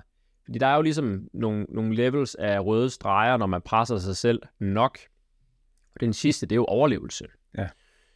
Øhm, så den automatreaktion, hvordan får jeg mig selv til at overbevise mig selv om, at det er fornuftigt at fortsætte, at det er risikoen værd at fortsætte, selvom min hals snører sig sammen. Og, og jeg, kan simpelthen, jeg kan simpelthen mærke, at, at altså, der er bare noget, der bliver trigget for vildt af det miljø, jeg befinder mig i, og den måde, jeg har presset min krop på øh, hen over hele natten. Det er, solen er stået op på det her tidspunkt. Øh, det er vel fem om morgenen eller sådan noget. Ja, for som jeg husker det, så starter du ved øh, syvtiden om aftenen. 20 minutter over syv. 20 år syv, ja. Yes. Ja, yes. Så klatrer jeg i de her, øh, i de her 10 timer. Så ja, det var nok omkring 4 ikke, på det her tidspunkt. Øh, så så det, jeg, det jeg gør, som jeg også skriver i min bog, det er simpelthen, at jeg giver min, øh, jeg giver simpelthen min krop den, øh, den endegyldige fuckfinger og, og presser mig selv øh, længere ind i døden. Øh, og derfra, jeg kan ikke huske noget. Nej. Hen til toppen, jeg kan ingenting huske. Det øh, tog mig pænt lang tid. Det tog mig et halvt år før, at der begyndte at komme lysglimt tilbage igen, sådan, altså billeder øh, af, hvad jeg havde oplevet. Men det sjove var, at jeg oplevede ingenting igennem min egen øjne. Jeg oplevede mig selv i tredje person. Det er det, jeg kan huske. Så det er ret syret, og hvis vi prøver at køre det hen til øh, folk, der ligger på dødslejet, øh, der ved man, at der er en øh, cocktail af, af neurokemikalier, der bliver frigivet, der gør, at de oplever de her sindssyge ting som tunneler, øh, svæver over dødslejet, øh, se sig selv i tredje person. hvidt lys og så videre. Yes. Øh, så det synes jeg er lidt syret, Um, at man formår bevidst at tage beslutninger om, nu presser mig selv derud og ind i det. Øh, så det, og så, så er der jo oplevelser, kan man sige, hvor så sker der et hændeligt uheld. Jeg er ved at, mit, mit telt river sig fri. Jeg er ved at blæse væk. vild historie. Øh, i, Ja. På mit første forsøg, øh, stormen har simpelthen, tager simpelthen mit telt og blæser det afsted med mig indeni, selvom det er hamret fast i, boldet fast i klippeblokke. Øhm, og der, der overlever jeg så, øh, men, men det er jo et, et traume, der også sidder jeg ikke, Ja. hvad kan man sige, jeg bare skubber til side og presser mig videre fra øh, efter mit første forsøg. Øh, det lærte jeg også rigtig meget af, men fortsatte dog alligevel ikke øh, på andet og tredje forsøg. Men, men så også det her. Øh, der må, altså, hvad er det, der driver en person til? Og nu snakker jeg mig selv i tredje person, fordi det synes jeg er interessant. Jeg kan jo ikke huske noget for det der. Men jeg må have haft en overbevisning, helt ubevidst, øh, der driver mig til, at det der, det giver mening. Mm. Altså, du, du er i overlevelsesmodus. Enten så kunne jeg vælge at, at, at, at, at, at, at vende om igen, Ja. eller jeg kunne vælge at fortsætte øhm, ind i det uvisse. Så, hmm. Og hvad, hvad er det, der, der tapper ind, når man er i den der overlevelsessituation? Jeg har også, jeg har også en, en gang været taget i en lavine. Øh, Jeg er i Norge, jeg var begravet i den. Ja. Øhm, der blev jeg så gravet fri af en anden, men, men hvad er det, der... Det, det, det, jeg synes, det er jeg blevet meget øh, nysgerrig på selv også. Hvad er det for en øh, ultimativ driver, vi kan finde, når vi kommer helt ned i bunden af Maslows behovspyramide, hvor, hvor, hvor det er de basale behov, og det er vores ultimative, vores overlevelse, der står på spil. Ja. Det er noget, vi ikke oplever i dagens øh, samfund. Ja. Og jeg siger ikke, at vi skal søge overlevelsen, men vi lever simpelthen så komfortabelt, så det er blevet så fremmed for os, at så får vi diagnoser, og så får vi alt muligt andet, når vi har været ude og opleve sådan noget der. Og ja, ja, der sker et eller andet i hovedet og i kroppen og alt muligt andet, som vi husker. Men Gud ved, hvor normalt det måske var engang. Det har formentlig været meget normalt. Ikke? Altså man kan jo få, få posttraumatisk stress af at blive jagtet af en løve, ikke? og være, være heldig, at øh, Ja. den, den ikke lige fangede en, inden man nåede inden for, for landsbyens mure, ikke? Øh, øh, eller, eller hvad det nu var. Øhm, Ja. Altså, jeg tænker bare, vi, er vi også blevet... Jeg siger ikke, at, at vi to er blevet så... Nu sidder vi her og har, har begge to en, en god sådan diagnose, Ja, ja, Men, ja. men, men at man er blevet øh, sværere og ikke så tolerant over for det, men er vi måske også blevet for gode til at diagnostisere og sygeliggøre hinanden og putte labels på. Ja. Øhm, fordi igen, så bliver du puttet i en boks. Mm. Oh nej, jeg er forkert. Jeg er skadet. Det er min identitet. Der er der jo mange, der ender. Der er, oh, det er en god pointe, det der? Rasmus. Der er jo super mange, der ender der. Så mange, der ender der. Og det er jo også det, jeg oplever i dag. Arbejder jeg jo også. Øh, jeg arbejder jo, har både haft fingrene lidt i noget Thin Blue Line, jeg ved du også, Ja. øh, med, som, som du også er, er forkæmper for. Men øh, laver også øh, NGO-ting med, øh, med en, øh, en privat forening, øh, der hedder Veterans in Motion, med, med krigsveteraner, og har, har haft rigtig mange snakke med veteraner. Øh, arbejdet rigtig meget med dem, også over tid. Og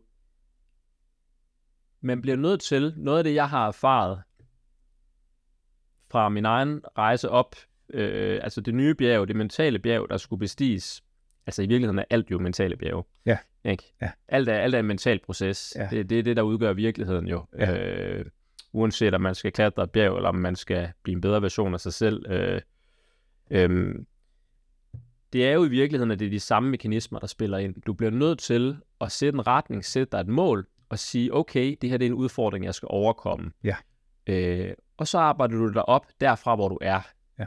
Men hvis du først begynder at bygge mure op, eller samfundet bygger mure op omkring, hvem du er, hvor langt du kan nå, hvad der er farligt, hvad der er stressende for dig, hvad der er rigtigt og forkert, så ender du jo et sted, hvor at så forestiller du dig ikke, at du kan nå toppen af Everest. Så forestiller du dig nok højst sandsynligt, at Himmelbjerget er en kæmpe udfordring, Mm. og at du måske allerhøjst kommer ja, hen til parkeringspladsen. Ja.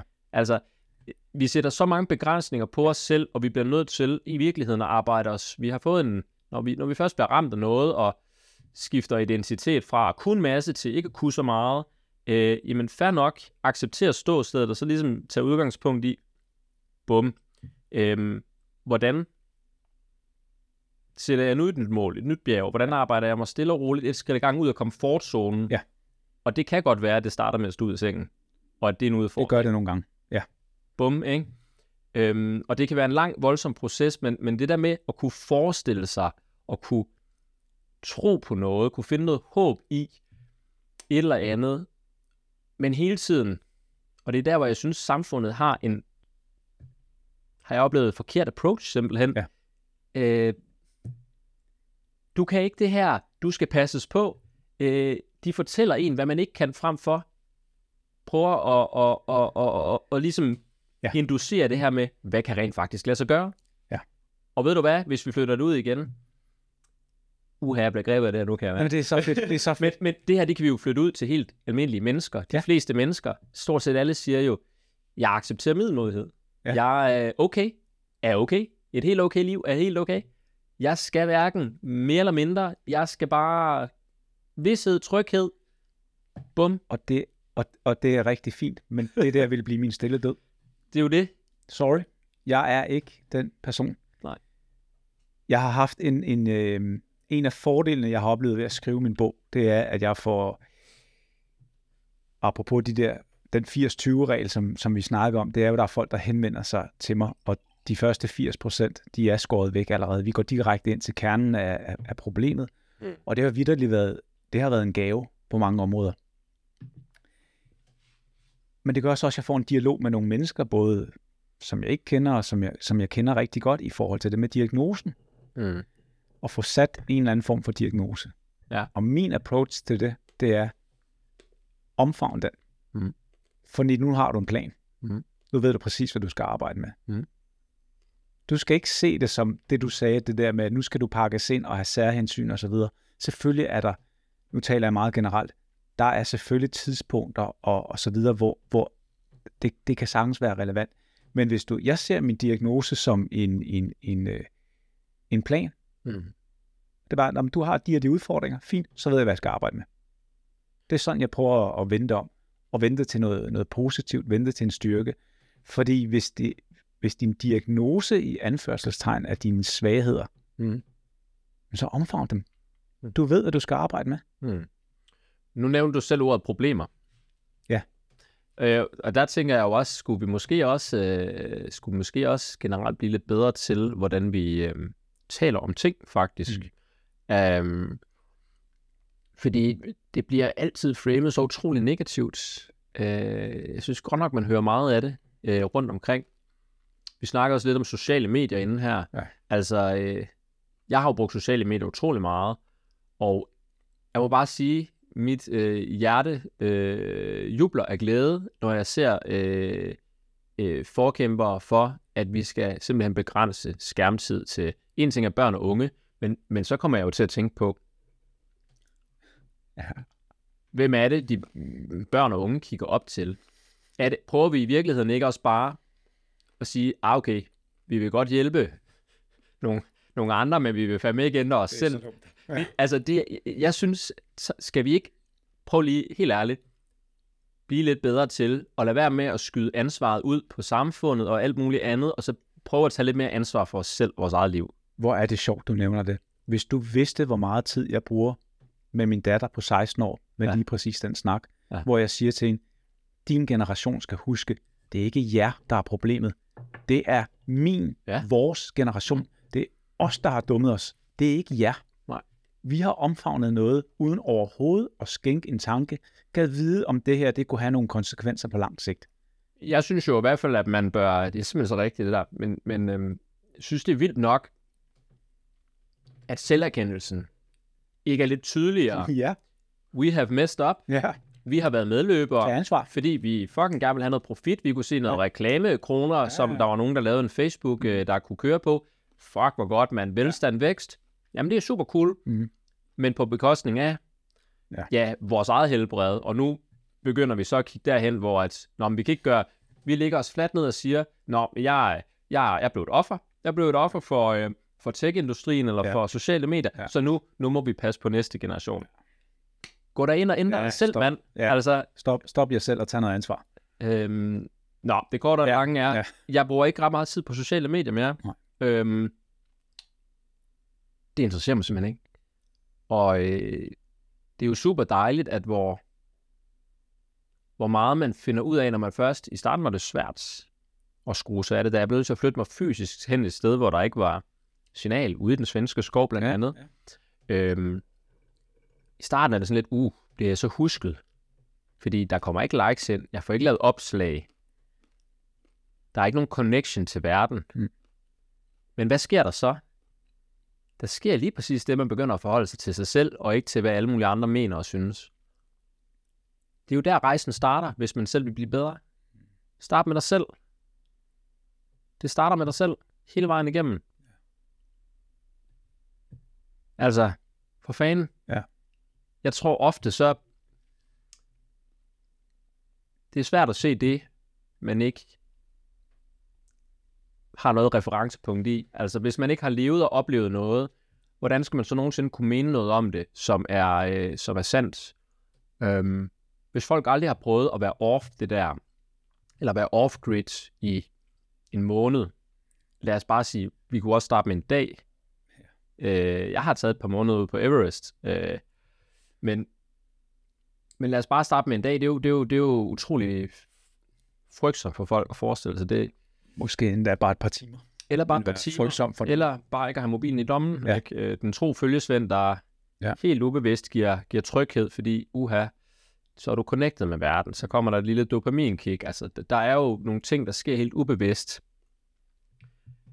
Øhm, og nu mistede jeg tråden lidt i det. Det gør ikke noget. Men øh, Nej, men, men, så, men så kan jeg følge op, Rasmus, ja. Ja. fordi du sagde noget til mig ude i haven, ja. Ja.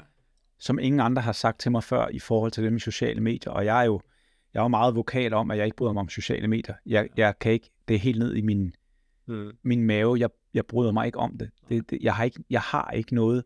Det giver mig ikke noget kick. Det giver mig, mig ingenting. hmm. Og hvad var det, du så sagde til mig? Så sagde du, at måske skal du så slet ikke bruge det. Ja. Det er du den første nogensinde, der har sagt til mig.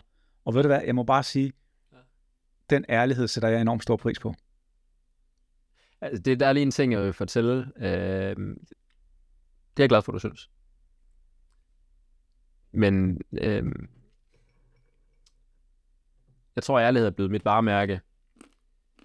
Øh, man kan også slå sig på ærlighed, vil jeg så sige. Det kan man. Fordi hvordan passer man på sin egen sårbarhed? Det er også svært at være sårbar hele tiden. Det snakker vi også lidt om. Det gjorde vi. Det er...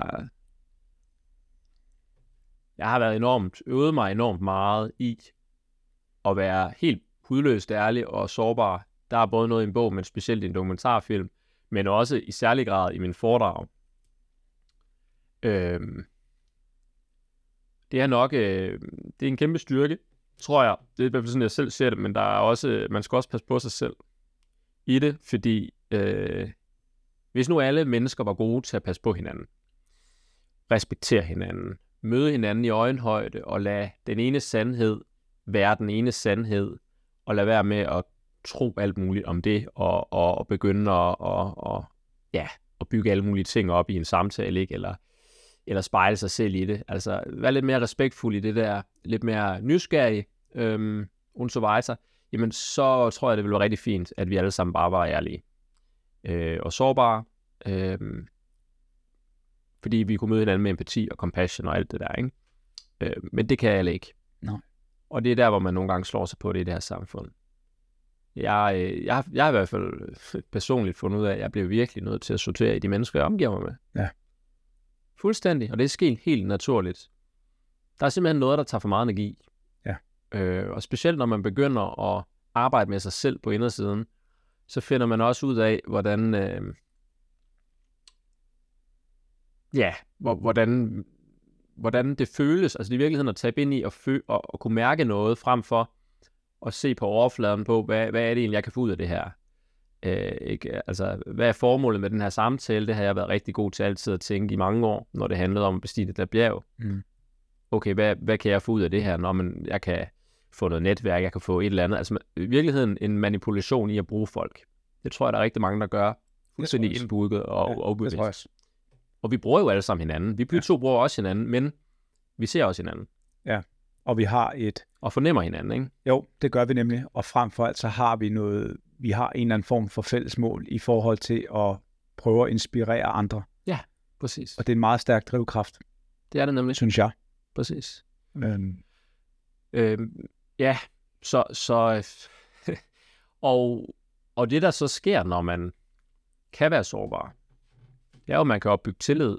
Mm. Øh, og så kan man lige pludselig bygge, synes jeg i højere grad, bygge mod ovenpå. Øhm, fordi man, man, man tør kigge ind i svagheder, eller udfordringer, øh, udviklingspotentialer, og det er jo der, hvor, hvor de største huller i osten i forhold til at kunne bygge et solidt fundament ligger.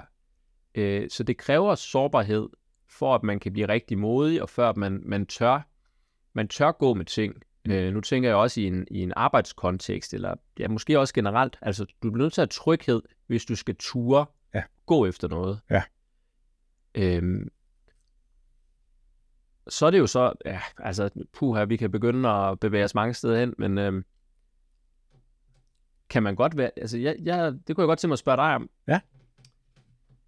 Kan, kan, man godt, øh, kan man godt være modig at gå efter noget, uden at have et trygt fundament? Uden at have tryghed? Eller kan man så finde en illusion om tryghed? Nu tænker jeg også bare lidt på dig. Øh, Jeg tror, tryghed har aldrig nogensinde været en ting i mit liv. nej. Den manglede, eller hvad? 100 procent. Okay. Altid. Men hvordan har du så kunne, kunne performe på de ting, du har gjort? Og have, have mod til at gå efter det. Det har jo også krævet noget, ikke? Der er også en risiko involveret. 100 procent. Det har ja. Jeg er jo... Jeg, jeg joker altid med, at jeg er velsignet med evnen til at være ligeglad med, hvad andre tænker om mine mål og visioner. Når jeg har sat mig et eller andet mål, så går jeg efter det. Og, og jeg, jeg tror, jeg, nej, hvis jeg skal kode det helt ind, så er det vidderligt, at jeg er ikke bange for at fejle. Det er nok min stærkeste egenskab. Jeg er jeg, jeg, jeg, jeg får samme, når jeg lider en eller anden form for nederlag, Mm. så oplever jeg jo de samme ting som alle mulige andre mennesker. Mm. Du ved, der kommer noget, noget negativt snak til, til selvet, og, og så videre, og så videre, ah, for pokker, og nu fejlede du igen, og så videre, og så videre. Men jeg er ikke, jeg er ikke bange for den reaktion. Det, det, der gør mig virkelig bange, det er status quo. Mm. Så, så på en eller anden måde, så, så, så finder jeg det her mod til at, at vælge min egen vej. Mm. Det krævede jo også faktisk, og det var der, da jeg valgte at stoppe i frømandskorpset, i et super godt job, skrive en bog, der valgte jeg jo også en modig vej. Mm. Øhm, Ja, det må man sige. og der var, selvfølgelig havde jeg opbakning, mm. men der var også rigtig mange, der sagde til mig, jeg vil ikke nævne nogen navne, det kunne godt have været fabeldyret fra podcast, podcasten, min ven Svend, men, men der var jo også nogen, der sagde, hvorfor forlade et drømmejob for rigtig mange mennesker. Det, det, jeg havde et drømmejob, det er der ingen som helst tvivl om. Og det er jo den her en eller anden form for status quo. Jeg mødte faktisk en, en, en, en frømand lige da jeg var startet, og der havde han været der i mange år, og han havde været der i gennem alle udsendelserne. Han har haft alle de fede opgaver, Mm. og nu skulle han videre. Så siger jeg til ham, hvorfor? Og så svarede han med den her sætning, så siger han, Christian, på et tidspunkt bliver det også hverdag at sidde en helikopter på vej på opgave. Og så fik jeg lige sådan en flashback til, hvad min øh, underviser på politiskolen, han sagde, og jeg glemmer det aldrig, så siger han, på et tidspunkt, så kan I sidde i en patruljevogn, fuld udrykning, og sidde og sove. Mm. Og når bremserne bliver hugget i, så springer jeg ud og er klar. Og så sad vi der og tænkte, nej, det kommer aldrig til at ske. Altså, jeg ved ikke, hvor mange gange jeg har faldet i søvn i en patruljevogn med udrykning, men, men altså, du når det her punkt, hvor det er status quo, og der tror jeg, der er det vigtigt lige at sige, at det er det, jeg vil. Og for mig har svaret altid kommet naturligt. Ej, nu, nu skal jeg faktisk udvikle mig. Men det er jo ret interessant, det der. Øh, det her med at... Øh, altså, jeg kommer til at tænke på sådan noget som nysgerrighed. Meget. Nysgerrighed på, på sig selv, og hvad der mere findes, og hvad der mere er. Altså, og det er jo en meget, meget øh, individuel og relativ størrelse. Øh, jeg, jeg har altid selv været nysgerrig af sind. Øhm, og det der med sådan ligesom at, okay, afsøge hjørner og kanter af, øh, ja, af mig selv faktisk. Øhm, og det er der også, altså ved du hvad, øh, jeg har været i, øh, i nogle elitesportsmiljøer, og øh, når jeg kigger på det i dag, der kan jo have været alle mulige driver, der har gjort, at okay, øh, jeg ønskede ikke at være en del af det fællesskab, og så skiftede jeg. Jeg har været en kameleon, jeg har skiftet ret meget øh, boldgade Mm. gennem mit liv. Øh, det er der mange psykologer, der sikkert kan sige, okay, ja, fint nok. Øh, et eller andet omkring, men, men det jeg har oplevet er, at jeg er blevet enormt god til at omstille mig. Jeg har hele tiden fået afdækket en ny fli af, af mig selv. Øhm, jeg er blevet god til at møde nye mennesker. Jeg er ikke faldet i søvn i en eller anden identitet. Og når jeg ser på folk, der er i noget i øh, hele deres liv. Øh, det kunne være, at de var i øh, atletikklubben hele deres liv. Så det kan også være i orienteringsløb. Øh, der har jeg jo selv haft min gang.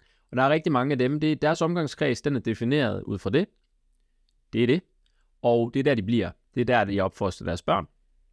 Og så kører det bare afsted. Og jeg tænker sådan, det, det er sgu lidt... Jeg får lidt ondt af dem. Altså, altså det, det gør jeg sgu lidt, fordi Det gør jeg også. wow, der må der være så meget mere og andet. Øhm, det er jo ikke, fordi man skal gøre sig til dommer over, hvordan andre mennesker bedst lever deres liv, men, Det gør jeg heller ikke, men men jeg synes bare, det der med at skifte bane en gang imellem, kontekst, udfordre sig selv, øh, rive rødderne op, eller hvad det nu er, ryste sig selv lidt, forstyrre sig selv lidt øh, på den ene eller den anden måde, det er med til, det, det er en fuldstændig nødvendig del af det at sætte højere standarder for sig selv som menneske. Altså for mig handler det i virkeligheden om, og det er det, jeg er blevet meget, egentlig har skiftet meget fra, øh, fra, fra elitesport, eller, eller, eller de forskellige kredse, jeg nu har gået i, hvor jeg har været, været et meget smalt felt, performance-wise, der er egentlig gået til at sige, okay, hvis vi kigger på det her, så er det her jo kun en lille pizza slice af den fulde 360 graders cirkel Mm. af mig som menneske. Jeg har slet ikke kigget på alle de andre. Mm. Wow, Ja. okay. Øh, det kunne da være, at jeg, vil, jeg kunne blive bedre til at være i et parforhold. Ja. Det, det, det var bare lige for at tage en ting, ikke? ja, ja. øh, det kunne være, at jeg kunne blive bedre. Øh, det kunne være, at jeg kunne kigge mere ind i mig selv og lære noget mere om mig selv på den her front. Det kunne være, at jeg kunne læse nogle flere bøger. Mm. Og hvad så vil ske? Altså, øh, nysgerrigheden på 360 grader, og så ikke se sig selv som en high performer på et enkelt lille smalt felt, men blive en high performer i livet. Mm.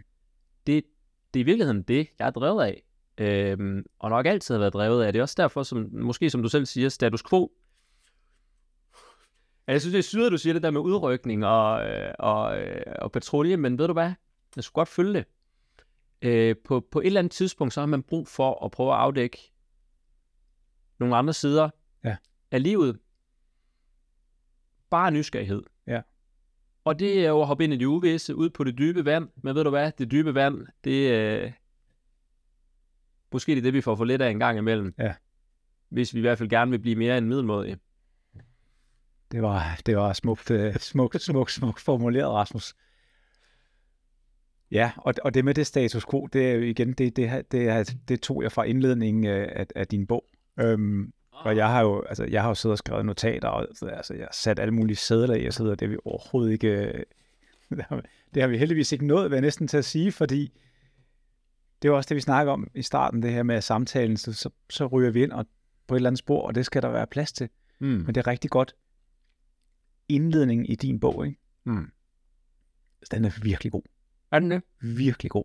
Fedt. Men den stod jeg også på, um, den var fandme vigtig for mig at få med. Altså, den er vanvittig god. Bare for at sige det på godt Jeg, jeg, jeg har læst den, men faktisk, den har jeg læst mange gange. Ja. Simpelthen fordi jeg synes, og, og, og der benævner du også det her med status quo. Øhm, Ja. Og jeg synes, det er, og, og det er jo ikke fordi vi to sidder her og, og lader som om, vi er klogere og bedre end nogen som helst andre. Men måske har vi været nogle steder, som kun få har, og det Ja. synes jeg også er, er vigtigt at ture øh, tale ind i, og ture øh, anerkende sig selv og hinanden for. Øhm, og jeg synes også, at hvis folk så, øh, hvis det rammer et eller andet i dem, mm. når de sidder og lytter til det her jo, øhm, så er jeg i hvert fald nået til, til den overbevisning nu. Nu arbejder jeg også en del med folks mindset, at så siger det ofte mere om, hvad der er på spil i andre i den anden mænd, der sidder og, og, og synes, at det er et eller andet Ja. øh, værre volapyk, det her, end det siger om dig Ja. og mig. Ja. Øhm, det er jo fordi, det rammer et eller andet. Ja. Og ved du hvad? Så er missionen jo fuldført. Præcis. Vi skal ind og forstyrre mennesker. Vi skal ikke bare øh, lave, lave fløde, flødecoating på det hele. Nej. Vi skal ind og forstyrre. Det er jo det, der leder til udvikling. Mit udtryk, det er det her med, jeg giver ikke nødvendigvis folk det, de gerne vil høre. Jeg giver dem det, de bør høre. Bum. Og alle har friheden til, når de tænder for den her podcast og lytter til os to, at hvis de har fået nok efter 10 sekunder, altså, så kan de øh, slukke. Hmm. Hvis de har fået nok efter en halv time, så kan de også slukke. Men det jeg også oplever i forhold til det feedback, jeg får, det er jo, at folk faktisk reflekterer Mm. både bevidst, men også ubevidst over mange af de ting, der er blevet sagt. Og jeg får nogle fantastiske kommentarer nogle gange, hvor jeg tænker, altså folk har trukket ting ud af samtalen, som jeg knap nok selv har, har overvejet. Ja. Det er et meget, meget stærkt redskab, og det er derfor, jeg elsker det her podcastformat. Og helst i en, i en dyb kontekst, som den vi to lige har haft. Hmm. Jeg elsker det. Fordi jeg ved, altså jeg ved, hvad det giver videre til folk. Ja. Og der er jo vidderligt, i starten, når folk de henvendte sig til mig, så, så var det næsten, så tænkte jeg, hold da fast. Øh, kan det nu også passe, at jeg har rykket så meget ved dem? Men du ved, så skete det to gange, og tre gange, og i starten var det med bogen, ikke? Så skete det fire gange, fem gange, og til sidst, så bliver jeg jo nødt til, men det er fordi, jeg, jeg, jeg, jeg er bange for at, at blive selvfed. Det er jo, det er jo altså, så, så jeg tager det ikke rigtig ind, men til sidst, så var, så var der også en, der sagde til mig, nu er du simpelthen nødt til at forstå, at dit arbejde faktisk gør en forskel for andre mennesker. Mhm. Og, og, og, og så mødte jeg af bagvej for nylig også nogen, hvor at de fortalte historier om en tredjepart, der havde læst min bog og lyttet til podcasten og så videre, og havde lagt deres liv om. Okay. Og der blev jeg sådan lidt, altså jeg blev, meget, jeg blev faktisk meget rørt over sådan nogle ting, fordi jeg synes, godt det er, Det er super smukt. det er så smukt, Ja. Men, men det er jo en vild egenskab, og, og jeg kan stadig ikke rigtig forstå det vel, men, men det er jo ligesom, at, at det du har gennemgået, altså jeg, jeg vil da godt, jeg vil da godt ved på, Rasmus, at det du har været for bjergbestigning i Danmark, det er jo noget helt unikt.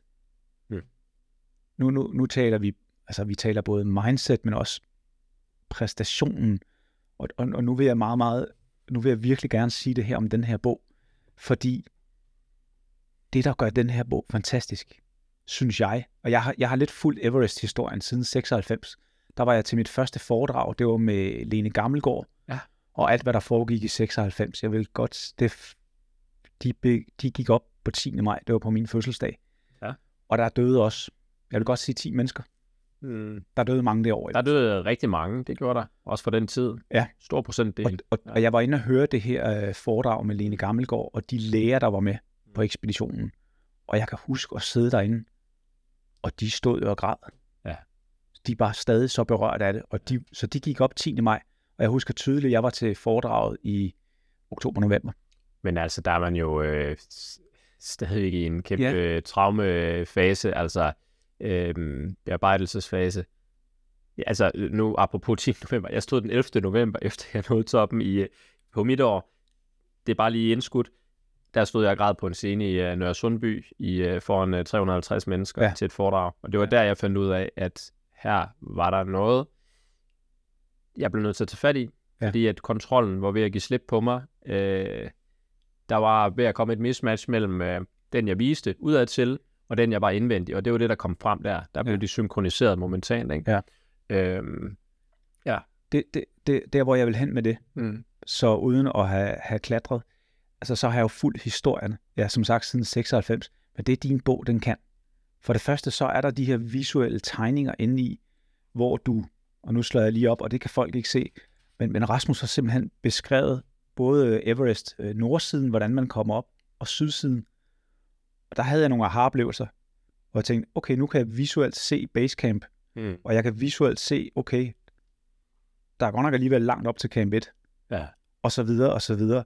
Kombineret med de her beskrivelser, du laver i bogen, øhm, og nu- jeg har egentlig tænkt mig at, at, at læse noget af det op, men det vil jeg droppe nu, fordi vi er allerede fremskrevet på tiden. Men, men dine beskrivelser altså de er på en måde, som så jeg kan leve mig ind i det. Du har den her, der er en beskrivelse, øhm, og nu kan jeg bare lige for sjov slå, slå op, ikke? Men det er den her, hvor du skriver om, øh, hvordan det er. Lad mig forklare lidt om, hvordan det er at bevæge sig rundt i dødszonen. Altså 8.000 meter oppe på Everest. Det svarer til at gå inde i en kæmpe stor dybfryser. De røde digitale cifre på termometeret viser minus 30 grader, og man har det som om, man har været til en meget våd fødselsdagsfest, og blot har fået et par timers søvn efterfølgende. Man har kvalme, og en galopperende hovedpine er sat ind. Ind i midten af dybfryseren er placeret et stort løbebånd. Her tager man et sugerør i munden, velvidende, at det er eneste kilde til luft. Man ifører sig sit astronautkostyme, i virkeligheden bare en stor omformet sovepose med arme og ben, træder op på løbebåndet og trykker start. Hastigheden indstilles til medium, pulsen stiger, og uret på venstre håndled fortæller, at det er nogenlunde samme leje som på en sædvanlig 10 km løbetur. Her skal man dog fortsætte med at løbe i 16 timer og 30 minutter. Den beskrivelse, ikke? Hmm. Jeg tror også, du giver den samme beskrivelse i, i, i dokumentaren. Det var en øjenåbner for mig, fordi det er så malerisk beskrevet. Alene det, du, du skriver også venstre håndled, du ved, det, det, visuelt, der kører det for mig det her med, fordi jeg også har mit ur på venstre håndled og så videre, og så videre. Altså, du er virkelig god til de her beskrivelser, hvor man kan leve sig ind i det, og det gør bogen så stærk. Og det gør oplevelsen så stærk, tror jeg, fordi du formulerer det Ja. som mennesker. Det er jo, det har været, Ja. ja. det har været min, øh, det har faktisk været min mission med den øh, bog, med- med det øjebliksbillede, jeg ligesom stod med der, at, at folk skal, skal forstå, eller skal, skal kunne leve sig ind i, hvad det vil sige at være menneske i den kontekst. Og ved også at putte alt det visuelle ind, jamen, så gør det jo også, at der er nogle ting, der beskriver sig selv, og connecter nogle, øh, nogle forskellige dots, der gør, at jeg måske kan lægge mere fokus på andre ting et andet sted, øh, i stedet for at det bliver sådan en manualbog. Ja. Øh, fordi hey, altså, det er lidt svært at lære folk, hvordan man skal gøre det der. Øh, men man kan beskrive, hvordan det er at være menneske Ja. i en sådan kontekst. Ja. Det tænker jeg er bedre, så det er jeg glad for at høre. Det, det synes jeg virkelig, du er, Ja. er lykkes med. Men Rasmus, vi skal være respektfulde omkring din tid, fordi jeg ved, du skal videre til, til mødet ja. i, i København. Hvad med, at vi slutter af med det, vi skulle have indledt med? Mm. Nemlig, at du fortæller, hvad du egentlig laver til dagligt nu her Ja. i dit, øh, jeg fristes til at sige, dit nye liv. Jamen altså, øhm, jeg, øhm, jeg er ikke den samme, altså den gamle Rasmus er død. Det er den gamle Christian også. Mm. Præcis. Jeg elsker den nye. det samme her. Og jeg, øh, jeg t- tror ikke, jeg vil, jeg tror, jeg vil sige sådan, jeg tror egentlig ikke, at jeg elskede mig selv. Dengang, jeg elskede det, han kunne, Mm. men jeg elskede ikke mig selv. Nej. Så, så det er meget fedt at være kommet dertil, at øh, man har oplevet kærligheden øh, vende indad Ja. mod sig selv. Øhm, I dag, der, øh, jamen, altså, jeg lever som foredragsholder og, øh, og coach, og Altså det, jeg egentlig gør, det er, at jeg... Det, jeg er drevet af, det er egentlig... øh, En ting er at... Ja, i starten var det at, at, at bruge min historie til at inspirere, men, men nu er det mere de sådan helt menneskeligt universelle ting i, i mindset. Og øh, ja, meget af det, vi har snakket om, Ja. men også øh, selvfølgelig mange af de helt sådan håndgribelige ting, man kan tage ud fra øh, ekstreme kontekster. Øh, men jeg har fundet ud af, at performance handler meget om faktisk også at turde starte op, øh, stoppe op for at kunne speede op igen. Så øh, jeg tager blandt andet ledere med ud i naturen. Øh, Det har jeg set. Ja, og kører sådan nogle øh, 24 timers øh, sådan, øh, deep dives, kan vi kalde det, mm. men hvor vi, øh, hvor, vi, hvor vi arbejder med det, og faktisk kunne mærke sig selv, det at være off-grid, øh, og så tager vi fat i det, der nu øh, er væsentligt, og det er jo meget forskelligt fra den, øh, den, for den enkelte, men en ting, der ofte går igen, det er jo følelsen af mening i dag. Mm. Det, er jo, øh, det er jo formål. Det er tage ansvar for sig selv, før man kan tage ansvar for andre. Ja. Bygge sig selv stærkt op. Stå stærkt i sig selv. Og øh, blive, øh, blive den bedst mulige udgave. og Sæt, sæt retningen hen imod det, i stedet for bare at køre afsted i, i ring med hastighed, Øhm, og det er også min måde at give tilbage på, fordi jeg egentlig har erfaret, at der er et eller andet, jeg tror på, der er et eller andet instinktivt i os alle sammen, når vi connecter med vores egen indre natur, øh, som gør, at vi faktisk godt ved, hvad der er det bedste for en ting af os selv, men også for samfundet, og også for kloden. Altså, så kan vi faktisk mærke, øh, hvad der er på D-root, og hvorfor, og vi begynder faktisk at kunne mærke, det har jeg jo selv erfaret, hvor godt vi har det, når vi gør tingene rigtigt, og som vi naturligt er designet til. Ja. I stedet for at sidde foran en skærm og alle mulige andre ting. Ja. Så det, det er det. Jeg hjælper, jeg hjælper på min måde med at gøre verden til et uh, bedre sted. Ja. Det, er, det er det, jeg er drevet af. Øhm, og så er det også et sted, jeg befinder mig rigtig godt. Ja. Jeg skal også kunne være den udgave af mig selv, jeg, jeg har det bedst i, og det, det har jeg ved at ikke at sidde i et coachinglokale inde, øh, inde på øh, midt i København øh, i kliniske rammer, men at flytte det ud Ja. et sted, hvor, hvor jeg er mig, hvor jeg føler mig hjemme. Hvor du er dig, og du føler dig hjemme. Det er, det er en rigtig, rigtig god formulering. Lidt ligesom vi snakker om med det her studie, ikke? Du ved, her føler jeg mig også hjemme, Mm. men det gør mine gæster også, har jeg fundet ud af. Ja. Og det, det, det gør den der setting, at vi fjerner det. det. Det bliver ikke klinisk, vi gør det mere menneskeligt, når vi begge to i samtalen slapper af og, og har det godt. Og det er jo det, du gør ved at, at sætte folk ud i dit rette element. Det afspejler sig jo også på, på de mennesker, du nu har, har med, tænker jeg. Ja, og så, så hjælper jeg i højere grad, øh, højere grad organisationer med altså sætte mere fokus på retning frem for hastighed. Men jeg taler meget ind i den, den enkelte, tager udgangspunkt i den enkelte medarbejder, fordi at jeg virkelig tror på, som jeg også har sagt i løbet af, af den her øh, herlige samtale, at, at vi bliver nødt til at starte med os selv. Mm. Og det er i hvert fald det, jeg har lært rigtig meget om, og kan, kan give rigtig meget øh, indtil øh, i folks liv.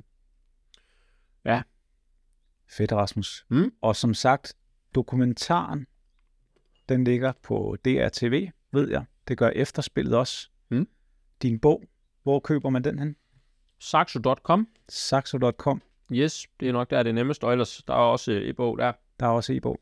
Og lyd, lydbogen ved jeg også eksisterer, fordi jeg fik faktisk en, Det var lydbog, jeg mente, ja, sorry. Ja, også det. ja, Ja. jeg fik faktisk en forspørgsel på, øh, der er kun meget få mennesker, der vidste, du kom i dag. Nå, Men der var en, der med det Ja. samme spurgte, øh, er den også på lydbog?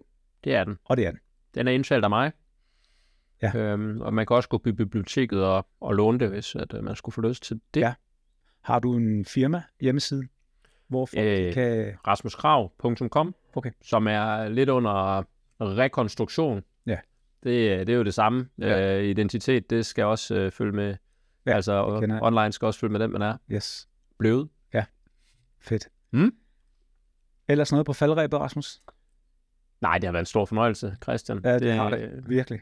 Det er vel egentlig det, jeg vil, vil sige. Altså, altså, jeg føler, at vi kunne Ja, køre, køre det- et chapter, det- chapter more på, kunne vi med, med fokus på helt håndgribelige greb, folk kunne, kunne, kunne tage fat i. Fordi nu har det jo også handlet meget om at undersøge øh, vores, vores rejser, men det, det håber jeg også, folk kunne få noget, øh, kan få rigtig meget ud af. det, det tror jeg. Og så kan vi jo så kan vi jo sige, at det er en anledning til, at næste gang, så gør vi det mere, øh, så snæver vi det lidt ind, hvis du har lyst. Jamen det kunne vi godt. Jeg kunne godt tænke mig, at vi prøvede at sådan helt konkret dykke ned i, hvad, hvad har man lært af det? Hvad, hvad, hvad, hvad kan man give videre derfra? Ja. Helt konkret. Men- øhm, Er det ikke det, vi gør næste gang så? jo, men det synes jeg kunne være interessant. Underforstået, at øh, du slipper ikke for, for runde to. Nej, men det, øh, det ville da være min fornøjelse. Fedt. Mm. Tusind tak, Rasmus. Det er mig, der takker. Det var en fornøjelse. Hej. Fedt, tak. Dette var sidste afsnit af podcasten for denne sæson. Herfra skal der lyde et kæmpe stort tak til alle de tusindvis af mennesker, der har lyttet med. Det har været overvældende med al jeres positive respons og feedback. Tusind, tusind tak til jer alle. Podcasten holder ferie i et par måneder, mens jeg arbejder på finansiering af næste sæson og flere spændende gæster.